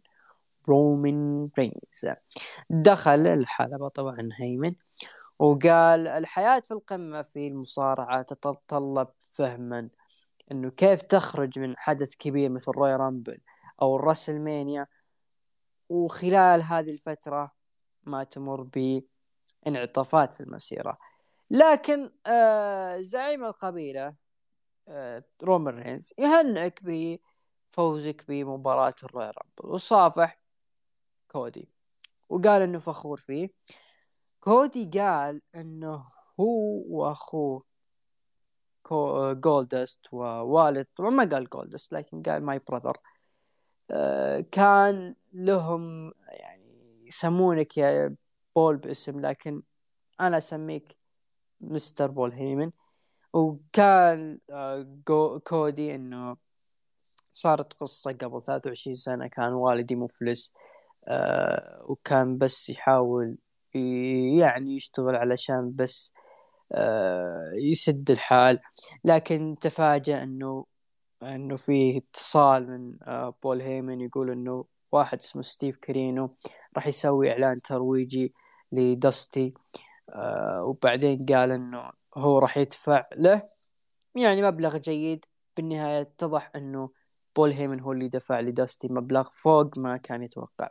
طبعا بول هيمن كان متعاطف جدا مع مع برومو اللي قدمه حتى شوي ويبكي. أعتقد خارج عن الشخصية هنا بول هيمن وتكلم انه كودي جيد حقا وتفاجأ بالكلام هذا أه وصفق الجماهير لبول هيمن وقال خلنا من هذا المهم الأمر ما يتعلق بوالدك يا كودي. الأمر يتعلق فيك أنت.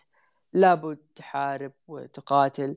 ومثل ما خرجت وعدت من الباب الكبير وفزت بالرويال رامبل الان راح تروح الرسلمانيا. والطريق للرسلمانيا هو قصتك. لابد تعرف حلمك وتحاول تصل عليه. فالتصدر للرسلمانيا هو أنك راح تتعامل مع نجم بحجم رومان رينز. وانت خرجت من المركز الأداء وكان دستي هو يعني قام بتدريب أو نجوم هذا الجيل مثل سيث رولينز بيكي لينش وبيلي وكيفن اونز ورومان رينز. في النهاية قال إنه أخبر بول هيمن إن كودي راح يكون ابنه المفضل لكن رومان رينز هو الابن الذي يريده دائما واسقط هيمن المايك. رأيك في البرومو؟ آه آه في آه يا أخي كودي في جدية في عداوته مع رومان لكن آه، لو يفك نفسه بس من داستي رودز والبكاء والأشياء هذه راح يكون أفضل. لكن أنا حسيت إنه البرومو هذا كان تكريم. بشكل كبير لداستي ويستحق هذا الرجل للتكريم وأحس أيضا مو بس بول هيمن اللي تأثر أكيد تربل إتش تأثر خلف الكواليس لأنه داستي رودز كان له دور كبير في تربل إتش اللي شفناه في إن إكس تي. اي كان داستن داستن اللي هو جولدست. داستي كان كان مسوي شغل في ال في شو اسمه؟ NXT. في NXT كان شيء مرة رهيب. ف فأكيد يعني راح يتأثرون. برومو كان رهيب جدا مرة. بس صح يعني زي ما قلت أنت كان ودي إن إن شو اسمه إن كودي رودز ما يتكلم عن أبوه. خلاص كل شوي كل برومو تتكلم عن أبوك تبكبك خلاص يا أخي. ف حتى بعد يوم ما كسر بول هيمن ال character بعد يوم رجع ال character ثاني مرة يوم قال إن رومان رينز الابن اللي كان يبيه كان هذا مرة ذكي ترى. ف شوف برومو مرة مرة جميل. أنا أشوفه برومو ممتاز صراحة. وما نبالغ إذا ما قلنا حدث الأسبوع حدث الأسبوع بصراحة. برومو كان جدا جميل جدا جدا جميل. ممكن نمشيها الصراحة الكودي وسالفة أبوه لأنه يستحق ترى داستي رودز التكريم. وعلى طاري Triple H ترى ما أدري إذا تذكر لما سووا celebrate في NXT تأثروا كل ال roster كلهم تأثروا وصاحوا وبتسوا فتحية لداستي رودز. المباراة اللي بعدها مونتيز فورد ضد الفائز راح يكون مع أو ركب المنافسين على لقب الولايات فاز فيها مونتيز فورد يكون هو آخر المنضمين لمباراة ال Elimination Chamber بجانب داميان بريست آه كان أوستن ثيري طبعا في طاولة التعليق وصار بينه وبين سيث رولينز تحارش انتهى ب آه، سوى stomp على أوستن ثيري بس قبله سوى حركة. يوم معك رفلة من إي صح. من الطاولة. ذيك مرة ذيك عجبتني مرة ترى. يا سلام عليك. فواضح آه إنه ثيري راح يستفيد كثير من سيث قبل ما يدخل في آه جون سينا. ورجل محظوظ صراحة. يعني build up حقه مرة مرة محترم الصراحه آه نروح للحدث الرئيسي. آه، مباراة steel cage بيلي ضد بيكي لينش انتهت المباراة بفوز بيكي لينش طبعا بعد ظهور لمين؟ لليتا. ظهرت في المباراة وساعدت بفوز آه، بيكي لينش ورفعت يدها. يا أخي أنا لما شفت المباراة هذه أو شفت اللحظة هذه يا أخي جاء في بالي شيء واحد. ما أدري أنت متحمس له ولا لا. طبعا بيكي وبيلي أعتقد هذا خلاص آخر شيء لهم. شوف ليتا وبيلي راسلمانيا يا أخي بتكون حلوة مرة. والله ما ما أدري ما حتى لو صارت ما ما راح أهتم لها يعني بكل أمانة. لا حرام عليك. شوف والله أنا أحترم وجهة نظرك إنك ما تهتم للومنز رسلينج لكن بيلي وليتا صدقني بيطلع منهم شيء تاريخي شيء ممتاز جدا. ليتا okay قول يعني عنده يعني يعني من زمان من ال آه، من مو من ال Attitude آه، إلا من ال Attitude لا من ال Attitude اي من ال Attitude اي من ال Attitude. Ruthless Aggression كانت okay يعني مسوية ترى W Hall of Famer ترى. إي بعد. لكن حتى لو صارت ترى ما, ما راح أهتم يعني بكل أمانة يعني فما أدري يعني. والله يصدقني بتشوف بروموهات بين الثنتين ذولي مو بصاحيات بالذات بيلي عقب ما حشرت بيكي لينش في زاوية. الله يستر على ليتا الله يستر عليه وعلى ماضيها الأسود أسود مو مو أسود ماضي فحم. ماضي فحم رايح في أمه فحطات سيكل. الله فشفت يعني يمكن نقول إيدج يمكن ما تغطي شيء.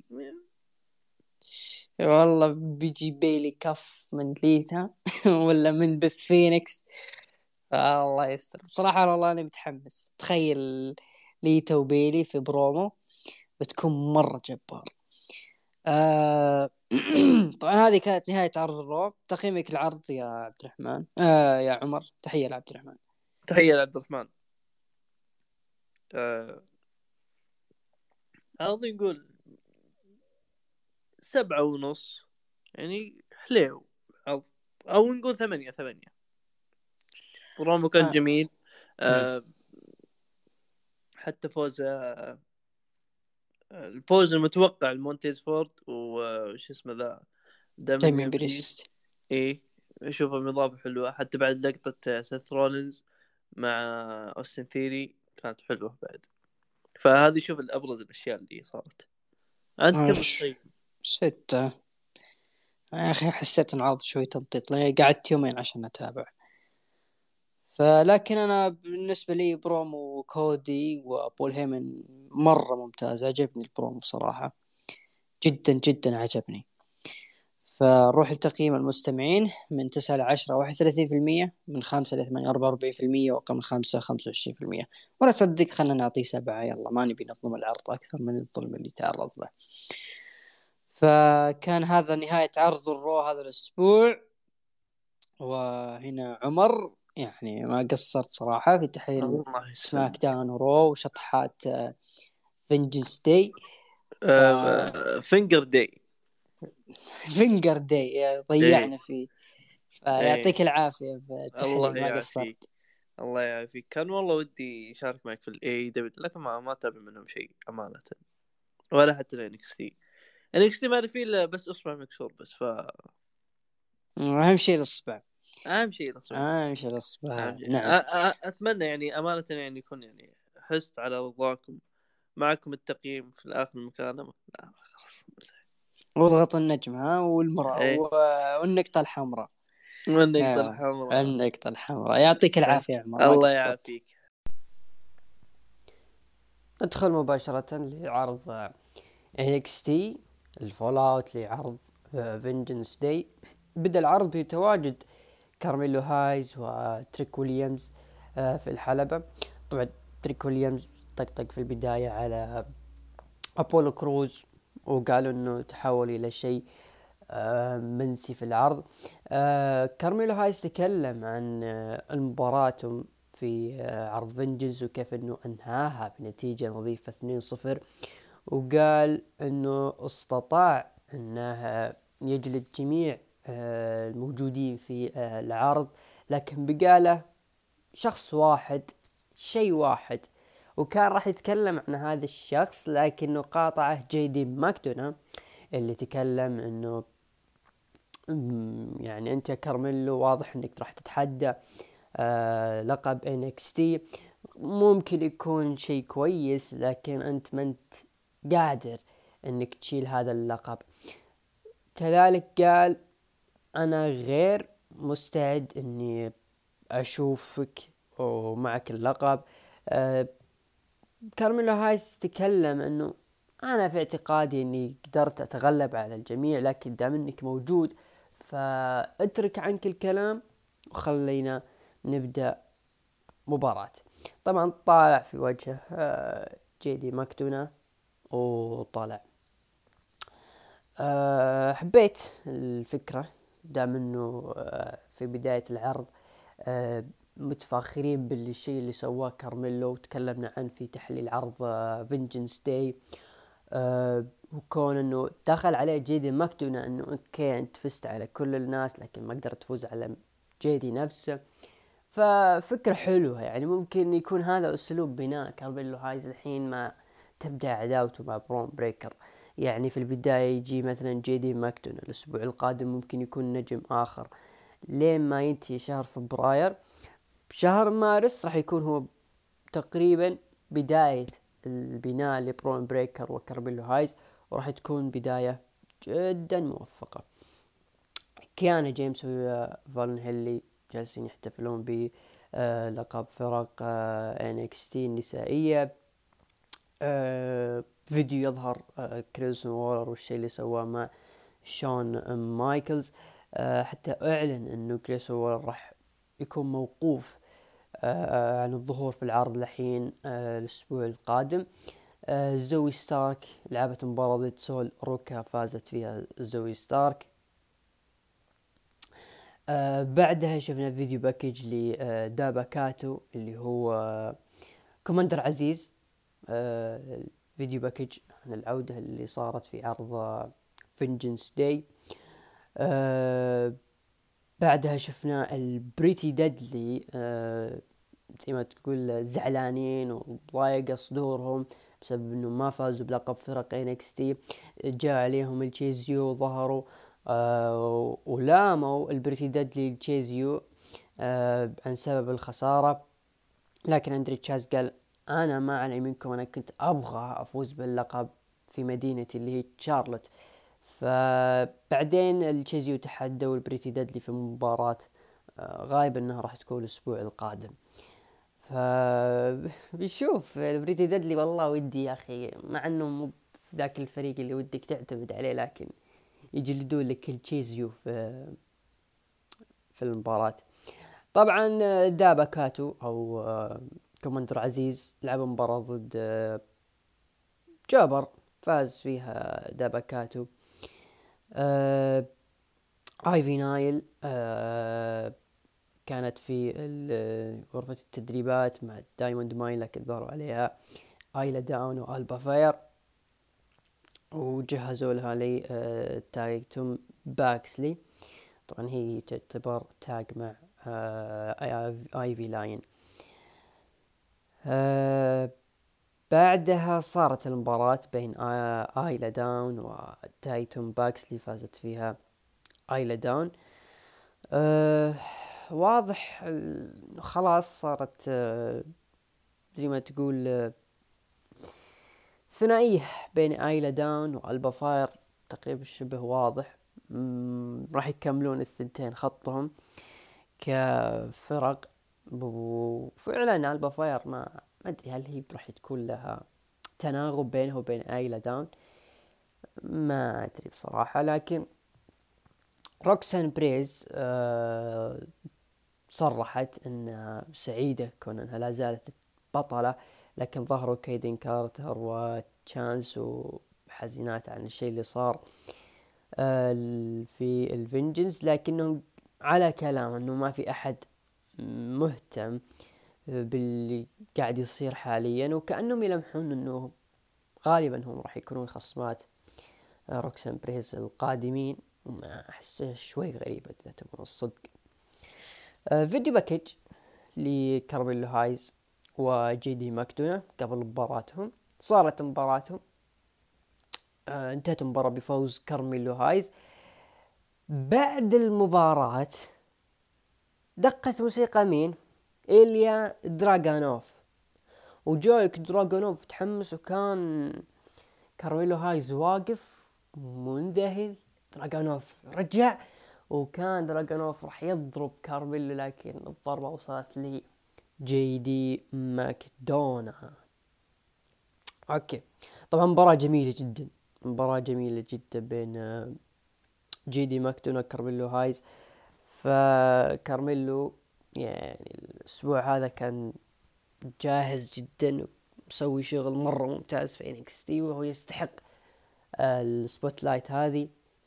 وجي دي ماكدونا آه، بصراحة مسكين مسكين الولد مسكين. بعد ما خسر في الديدلاين كنا متوقعين إنه ممكن يكون في لمحات من شخصية آه، أو من character جوردن ديفلين لكن واضح إنه خلاص راح يطول مع ماكدونا. وفاضي الولد بصراحة مرة فاضي. من بعد ديدلاين إلى وقتنا الحالي هو يدخل في عداوات تبدأ في العرض وتنتهي في العرض. ما ما في له عداوات طويلة المدى. فمشكلة يعني دام إنه ما أدري هل هو موجود محسوب على دبليو دبليو ولا لا. أه المدعو آه، كاميرون جرايمز ليش ما يدخل مع جيدي ماكدونا؟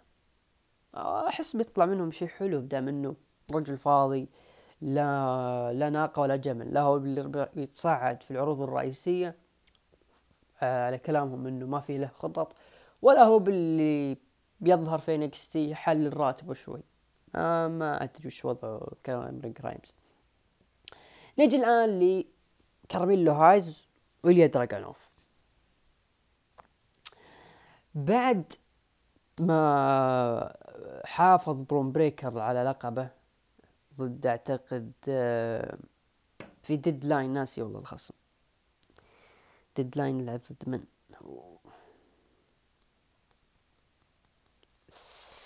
لعب ضد والله إني نسيت.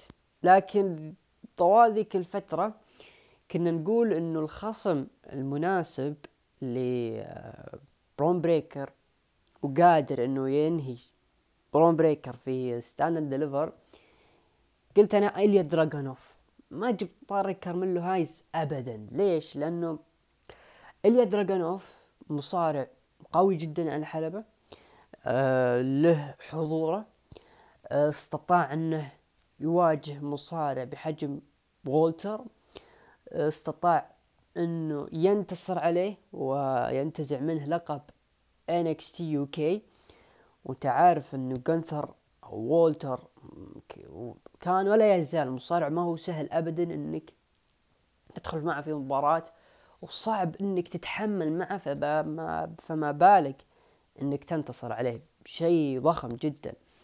فإيليا دراجونوف أخذ هذا ال over اللي هو فاز على وولتر ولا زال الناس ترى إنه هذا الوحيد اللي قادر يفوز على وولتر وأي نجم هو قادر يفوز عليه.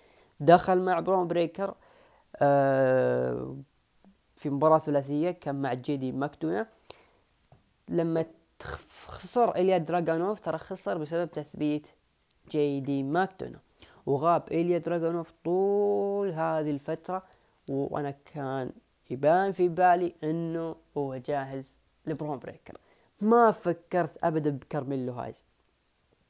كارميلو هايز ما يحتاج غني عن التعريف. نجم بدأ في انكس تي تطور واشتغل على نفسه في اهتمام مسؤولين انكس تي مبعدينه تماما عن صورة main eventer لدرجة أصلا ما صار بينه وبين برون بريكر التقاء إلا في الوور جيمز اللي صارت في انكس تي قبل سنتين.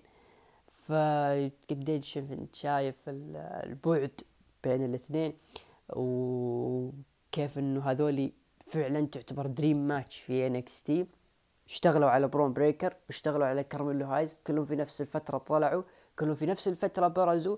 فما في أحد قادر يواجه برون بريكر ممكن ينتزع منه اللقب إلا كارميلو هايز في ظل ال roster الرئيسي أو ال roster الحالي. فأنا جلست أفكر أيهم أفضل صراحة كارميلو ولا إليا دراغونوف من اللي ممكن تضحي إنه يحاول يفوز على برون بريكر؟ من اللي ممكن برون بريكر يفوز عليه ويحافظ على اللقب علشان الطرف الثاني يفوز عليه؟ بصراحة أنا جلست أفكر كارميلو إيليا كارميلو ولا دراجونوف فاللي طلعت إنه أنا والله ودي دراجونوف هو اللي ينتصر هو اللي ينتصر لأنه كان بطل في ال UK وخسر بسبب إنه بسبب الإصابة. ما لعب مع برون على اللقب ولا أخذ rematch. ف ليش لا؟ ما هو اللي يلعب مع برون بريكر. فكان بيكون شيء حلو. لكن كارميلو بتكون عداوة كويسة جدا. آه بيكون شيء ممتاز. زي ما قلنا تو الاثنين طلعوا في نفس الفترة برزوا في نفس الفترة نضجوا في نفس الفترة. آه كارميلو وبرون ما صار بينهم أي التقاء من سنتين ف بيكون شيء مرة ممتاز. وأعتقد إنه كارميلو هو الأقرب من إيليا دراجونوف إيليا دراجونوف واضح إنه راح يمسك خط مع جي دي ماكدونا إلى Stand and Deliver ف نتبادل الصراحة يعني إنه يعاقبه بسبب اللي صار في مباراة آه، مع برون بريكر. آه، بيكون سيناريو حلو. بيكون سيناريو حلو. ف ما في أحد خسران سواء كان كارميلو أو إيليا يكون مع برون. ما أعتقد في خسارة. فشيء جميل صراحة. فتوفق بالتوفيق لكارميلو ونقول welcome back دراجونوف آه بعدها شفنا آه فيديو يظهر إنه جيجي دولن وجيسي جين وصلوا للقاعة. آه بعدها شفنا مباراة لايرا فالكيريا. ضد فالنتينا فيريوز فازت لايرا فالكيريا. يا أخي واضح إنه لايرا فالكيريا هذه قادرة إنه يطلع منها شيء حلو بصراحة اداها مرة ممتاز. ف ننتظر ونشوف ليش وين بتوصل البنت. طبعا شفنا فيديو لويسلي آه، خلف كواليس Vengeance آه، Day من وصل القاعة. آه، إلين ما لعب مباراة في العرض وفاز وتقابل مع شون مايكلز. طبعا ظهر في مقابلة مع ماكنزي. تكلم إنه كان نهاية الأسبوع مرة ممتاز. تكلم عن إصابة دايجاك وتمنى له الشفاء. آه كذلك قال إنه بحاجة يشكر توني دانجلو ولورينزو بعد ما يعني تقدر تقول آه, آه، شتتوا دايجاك مساعد إنه ويسلي يفوز ب آه أو يحافظ على اللقب. وأعلن انه راح يكون في تحدي مفتوح راح يكون من الأسبوع القادم. أوكي ننتظر ونشوف من الخصم اللي راح يكون لويسلي. طبعا بعدها شفنا مباراة بين أوديسي جونز و تشانينج لورينزو. فاز فيها تشانينج لورينزو فما أدري يعني أنت مقتنع عزيزي المستمع إنه أوديسي جونز كان يراه فينس ماكمان خليفة لمارك هنري لدرجة إنه جاب ال gear حق مارك هنري مع Nation of Domination ولبسه إياه. أما هالمرة الرجال طالع ب gear غريب الصراحة. طبعا ظهر تايلر بيت في فيديو تكلم عن جريسون وولر وإنه الشيء اللي قاعد يصير معه ابدا ما هو. آه محترم وتحداه في مباراة الأسبوع القادم. فيديو آه لجندر مهال مع ال Creed Brothers. فبعدها شفنا مباراة لبريتي دادلي ضد ال Chase U فازوا فيها البريتي دادلي آه يستاهلون صراحة. بس إنه المباراة ما كانت ذاك الزود. آه درو جولك وهانك ووكر كانوا خلف الكواليس آه كان هانك ووكر راح يغير ال gear. آه ظهر لهم تشارلي ديمسي وتبادلوا في الكلام لين ما تحدى ووكر ديمسي الأسبوع القادم. آه فا أوكي مرة ثانية ديمسي ووكر. الله يستر. يا أخي تحس انه الا إلا ووكر يسبب إصابة لي آه ديمسي فالله يستر. طبعا استعرضوا آه card الأسبوع القادم. نجي لل main event. ال main event كان فقرة Ding Dong show لبيلي تكلمت آه، وكان ضيوفها جي سي جين وجي جي دولن. دخلوا الثنتين. سألت بيلي إيش اللي صار يوم آه، يوم السبت في Vengeance Day أه قالت جي سي جين إنها خرجت من البطولة بسبب إنه جي جي كانت هي اللي مثبتة. أه كان من المفترض إنهم يكونون فريق ويتعاونون لكن دولن كانت تبغى تفوز باللقب. وقالت جيجي لو فزت أنا باللقب أنت راح تضيعين راح تكونين في ضياع. و... لكن جي قالت ما راح أضيع أنا نجمة بنفسي وأنت اللي أنت اللي راح تضيعين أنت كنت سابقا ولا شيء بدوني. ف صار إنه فيه يعني جدال بين الثنتين صار في العرض. آه، بيلي تكلمت قالت إذا أنتم تحاولون إنه أو إن كنتوا تفكرون في المباراة إنه تكونون فريق فليش ما تحاولون من جديد تكونون بعض. أه تحاولون تقوون أنفسكم وكل حاجة لين ما تاخذون ال main event في NXT. ممكن ممكن تستعيدون ألقاب الفرق ممكن تظهرون عندنا وتواجهون Damage Control مباراة كانت حلوة.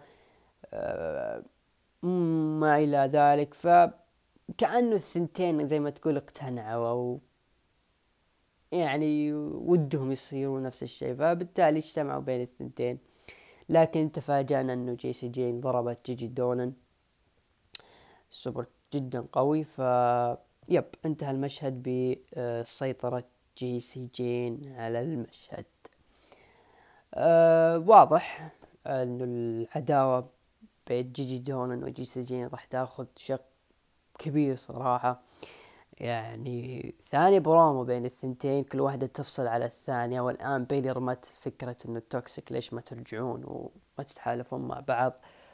ونشوف من هو اللي راح تنكب الثانية لكن دام إن الثنتين آه، جلدن بعض فواضح خلاص ال Toxic انتهى فبدت الآن مسيرة العداوة حقتهم. ما أدري ليه حسيت إنه لما رمت آه، بيلي فكرة إنه ال Damage Control كأنه واحدة من الثنتين قد تنضم لهم مستقبلا. أحس جيسي هي اللي ممكن تنضم ما أدري ليه. لل Damage Control آه مو نقص ال Damage Control لكن ممكن تكون إضافة حلوة. ممكن ممكن تكون إضافة كويسة للدمج اللي ماشيين صح. آه فيب هذا اللي صار في نهاية العرض. آه نروح لتقييم المستمعين. آه أعطوا من تسعة إلى عشرة. خمسة وعشرين في المية من خمسة إلى ثمانية. ثلاثة وستين في المية. وأقل من خمسة. أعطوه آه كم؟ اثنا عشر في المية. أنا أشوف إنه عرض ستة من عشرة. كان عرض جيد الصراحة. لا هو قوي ولا هو ضعيف. آه هذا NXT نروح ل AEW. اللي أقيم في الباسو تكساس مدينة Latino Heat إيدي جريرو my dad. طبعا بدأ العرض بمباراة بين MJF ضد كونوسوكي تاكيشيتا. انتهت المباراة بفوز ماكسويل جيكوب فريدمان MJF طبعا المباراة كانت جميلة. جميلة جدا. فخلونا نقسم المباراة لعدة أقسام. نبدأ بتاكيشيتا. أه تاكيشيتا في ظل الاهتمام الواضح من AEW للنجم هذا اللي قلنا عنده سابقا إنه عنده potential عالي وماشي بنمط إنه يبنونه لل main eventer آه كناحية مباريات واجه براين دانيلسون واجه جون موكسلي والآن يواجه MJF. فأنا بالنسبة لي إذا كان قطار تاكيشيتا ماشي كذا في وقت إنه النجم جالس يقدم أداء جدا ممتاز مع هذول النجوم. فنتمنى إنه ما نصل إلى منتصف السنة كنسي آه كنسوكي كونوسوكي. عنده لقب بصراحة. ودي يكون عنده لقب لأنه مشواره هذا جدا نظيف جدا ممتاز. آه هو النجم مشكلته آه اللغة فقط. النجم ما هو مرة مرة مو يعني منطلق في اللغة لكن كأداء نجم مرة ممتاز. وواضح إنه راح يكون له ممكن يكون له gimmick معين يكون في العرض. آه ما بقول والله gimmick النجم الفاضي. دائما إنك جالس يلا بنعطيك مباراة أربع نجوم واطلع. لكنه قادر إنه يدخل في آه منافسات مع كبار النجوم. يعني زي ما أنت شايف الآن مع MJF وقدر MJF يطلعه بشكل مرة ممتاز. MJF أيضا كان اداؤه مرة ممتاز في هذه المباراة. الشكر له وكذلك لتاكيشيتا آه معناته إن MJF شغال على نفسه أكثر في ناحية المباريات. آه ومباراته مع براين أكيد راح تكون منتظرة. ما أدري أحس إنه MJF راح يخسر اللقب ما أدري ليه لكن نشوف لنهاية المباراة إيش ممكن يصير. طبعا نهاية المباراة MJF ضرب آه تاكيشيتا بالخاتم جالس يحتفل آه لين ما ظهر له براين دانيلسون. وفزع له في الأخير طبعا شفنا الفق المشكلة اللي صارت إنه تاكيشيتا كان يجرح نفسه لما كان حول الحكم عطى الشفرة للحكم بشكل واضح لل... للعلن. فمشكلة مشكلة يا دبليو لازال الإخراج تعبان بصراحة. يعني هذه لقطة حرام صراحة إنه يعني تظهر على الكاميرا. بيني وبينكم يا أخي لو بالغوا في الدمهم ترى. يعني لو واحد يسولف أنا وياك نزف الثاني. لو مثلا واحد مثلا لما نقول ان نسميه كف حلاقة طلع له الدم من الراس مو من الرقوبة بعد. فا إي يعني لا يبالغون في الدم لأنه المبالغة فيه راح تضيعه. في نفس الوقت يحاولون يركزون على طريقة إنه نظهر الدم أو نظهر نستخدم الشفرة دون ما أحد يشوف. مثلا لما يكون مصارع مثلا طايح في الحلبة لما يكون مصارع مثلا آه، في الزاوية لما يكون في مباراة steel cage ما تكون كذا قدام الناس آه، ما مشكلة مشكلة والله. ما هم هذه ترى التفاصيل هذه لو يركزون عليها ويهتموا فيها الصغيرة هذه يعني بجانب المباريات و five stars ومدري إيش وتجميع نجوم و dream matches وما أنت قادر تخرج لي عرض بشكل ممتاز فمبارياتك هذه ما راح تكون لها قيمة الصراحة. في مباريات كثير صارت في العروض لكن كان الإخراج يعيبها فقللت من قيمتها كثير. سماوا جو طلع في فيديو تكلم عن داربي آلن الشيء اللي صار الأسبوع القادم وكذلك يتحدى ووردلو أنه جاهز له في أي وقت. جيمي هيتر لعبت مباراة ضد باني فازت جيمي هيتر والله جيمي هيتر صراحة يجي منها. آه، بنت شغالة على نفسها بشكل ممتاز و مرة شادة حيلها البنت. آه بعدها آه ام جي اف طلع في ال locker room. تكلم في برومو يطقطق فيه على تاكيشيتا وأنه مستواه ما هو مستوى نجوم main eventer لدرجة أنه طلع منه الدم بشكل مرة ممتاز سريع. تكلم ام جي اف أنه في الثانوية كان عنده مخالفة. كان يقود سيارته الكامارو كان معه وحدة وكان ماشي بسرعة آه تسعين ما أدري تسعين يعني الحين إذا واحد مشى تس تسعين عندهم في ذاك يعني يعني يعني إنه رجل واو ما أدري ممكن. لكن عندنا هنا يمشي الواحد مية وعشرين وما تكفي بعد. على كل كان ماشي بسرعة تسعين وصدم في آه عمود التليفون و... وانعدم الرجل وإلى آخره ف مستواه كبراين راح يكون مثل هذه الحادث. طبعا هذا البرومو سبب شوي قلق الشرطة على كلام أعتقد ديف ميلتزر بدأ يحققون في الموضوع. ما أتوقع يعني عارفين إنه السالفة scripted يعني الشرطة بتقعد تضيع وقتها على شو اسمه على عرض مصارعة ترفيهي بسيط. ما ما أعتقد ولا راح يصير. نروح للمباراة. غارسيا جيفارا gauntlet match نظام سلمكم الله ريك ستارك راح يلعب مع ال society كلهم وإن فاز عليهم كلهم راح يواجه جيريكو. سبحان الله كذا شرط المباراة. آه لعب في البداية مع أنجلو باركر فاز عليه. لعب في البداية بعدها مع مات مينارد فاز عليه. آه بعدها لعب مع دانيال غارسيا. واثناء في المباراة. ظهر شخص مقنع ضرب آه ريكي ستارك آه ودانيال غارسيا سوى عليه الفنش وانتهت المباراة بفوز دانيال غارسيا وانتهى هذا الجونتلت ماتش. اللي طلع خلف القناع هذا هو كريس جيريكو. طبعا تناقشنا الأسبوع الماضي مع وليد. وكذلك نزلنا عليها مقطع في اليوتيوب شيكوا عليه آخر مقطع لنا في القناة. آه عن كريس جيريكو تصريحه في إنه المصارعة قصص ما هي مباريات ولا بد نهتم في القصص وإلى آخره. لكن يا كريس جيريكو أنت الآن عندك قصة. ما أنت مرتب فيها أوضاعك؟ ما أنت مرتب فيها إيش تبغى بالضبط؟ أهدافك من هذه العداوة إيش؟ يعني okay أنا أحترم كريس جيريكو كنجم إنه عقليته مرة ممتازة في ال business سوى أشياء كثيرة في ال business منها Money in the Bank صارت الآن عرض شهري. أه برومو ممتاز دخل الشال وصار الآن ام جي اف جزء من character الشال. لكن ترى بصراحة كبوكر وككتابة القصة سيء جدا ما هو عارف كيف يعني وين يبغى يوصل.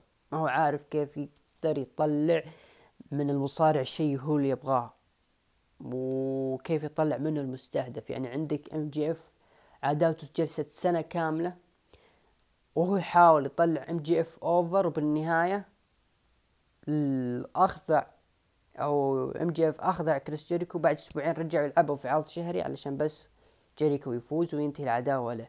وطلع ام جي اف بشكل ضعيف جدا. من برا الحلبة. الآن الأمر يتكرر مع ريك ستارك. يعني أنت فزت أو ريك ستارك فاز على كريس جيريكو.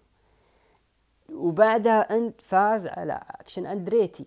بيرجع يلعب مع ريك ستارك مرة ثانية. وهو أصلا مسوي ذي اللفة كامل عشان يعتبر نفسه إنه هو ال boss النهائي. يعني okay يا كريس جيريكو. أنت تطلع تصريح. ولازم نهتم في القصص. لكن أنت جالس تقدم لنا قصة تعبانة؟ ف مشكلة مشكلة يعني. أنت الآن يعني زي ما تقول البيئة المحيطة جذابة للواحد وراح تأثر عليه إلا إذا ما كان شخص قوي وكان عكس هذا التيار. لكن جيريكو ماشي بتيار AEW. okay نمسك القصة نمسك الخط ما عندنا أي مشكلة. المهم النهاية تنتهي لصالح فلان. تنتهي لصالح كريس جيريكو لكن بالنهاية جيريكو طلع over وليه اللخبطة هذه؟ ما أنت قادر تحبك لك قصة كويسة؟ إذا ما أنت قادر okay استمر. القصص مهمة لكن لا تسوي قصة ولا تسوي عداوة باختصار. خلي أحد يكتب لك. آه.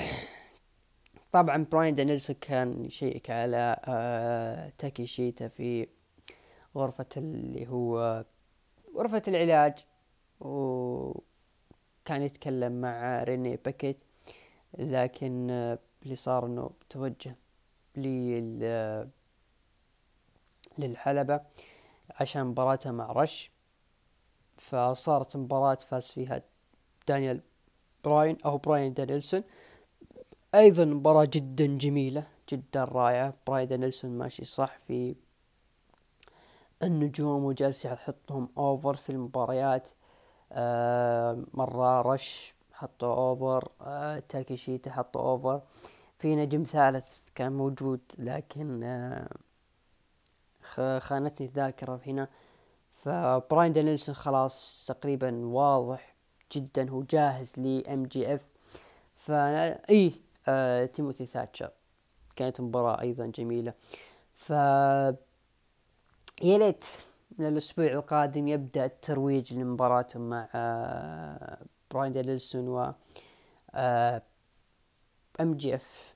يعني كي مباريات مباريات مباريات وكل هو يفوز فيها براين دانيلسون والخصوم متفاوتين مرة يواجه آه technical wrestling ومرة مواجه آه strong style والان يواجه شخص يعتبر lucha. فمتنوع براين في هذه الأساليب خلال الأسابيع الماضية وجدا أسلوبه ومشواره نظيف كمنافس رقم واحد. فخلاص الآن اشتغل على العداوة اشتغل على البروموهات. عندك ساعة كاملة. براين راح يقدم برومو ممتاز. MJF راح يقدم برومو أروع.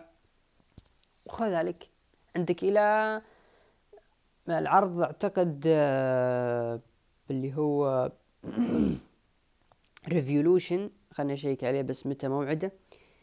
AEW Revolution 23 خمسة مارس. فما عندك وقت.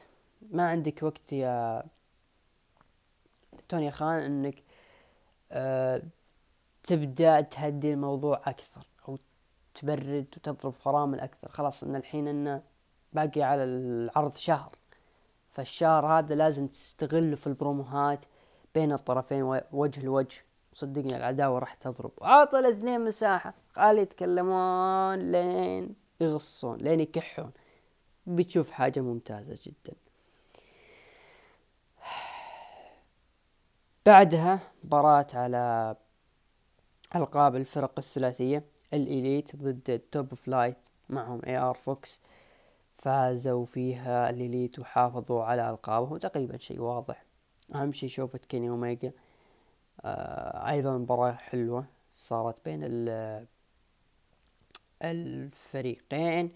ال main event مباراة على لقب فرق AEW ال Acclaimed ضد ال Gunns اللي هم عيال آه بيلي جن. انتهت المباراة بفوز ال Gunns وتحقيقهم للقب من ال Acclaimed آه. أنت مستوعب عزيزي المستمع إنه ال Acclaimed لعبوا مباراة مع FTR وال FTR سبحان الله أنجن جنونهم بسبب اللي مباراتهم مع ال Acclaimed وإنهم مرة ممتازين يجي في بالك إنه هذول راح يخسرون ل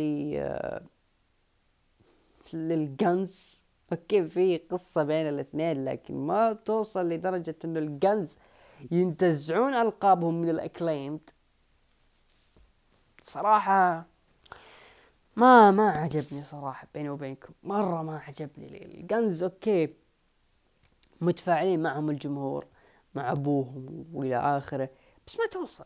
ما توصل ابدا إنه هم يفوزون بالألقاب من ال Acclaimed ف الله يعين ما لنا ولا أدري هل FTR راح يرجعون بس علشان يفوزون على ال Gunns وعشان يرفعون اللقب. طيب إذا أنت هذه خطتك ليش ما خليت الاثنين يحافظون على ألقابهم؟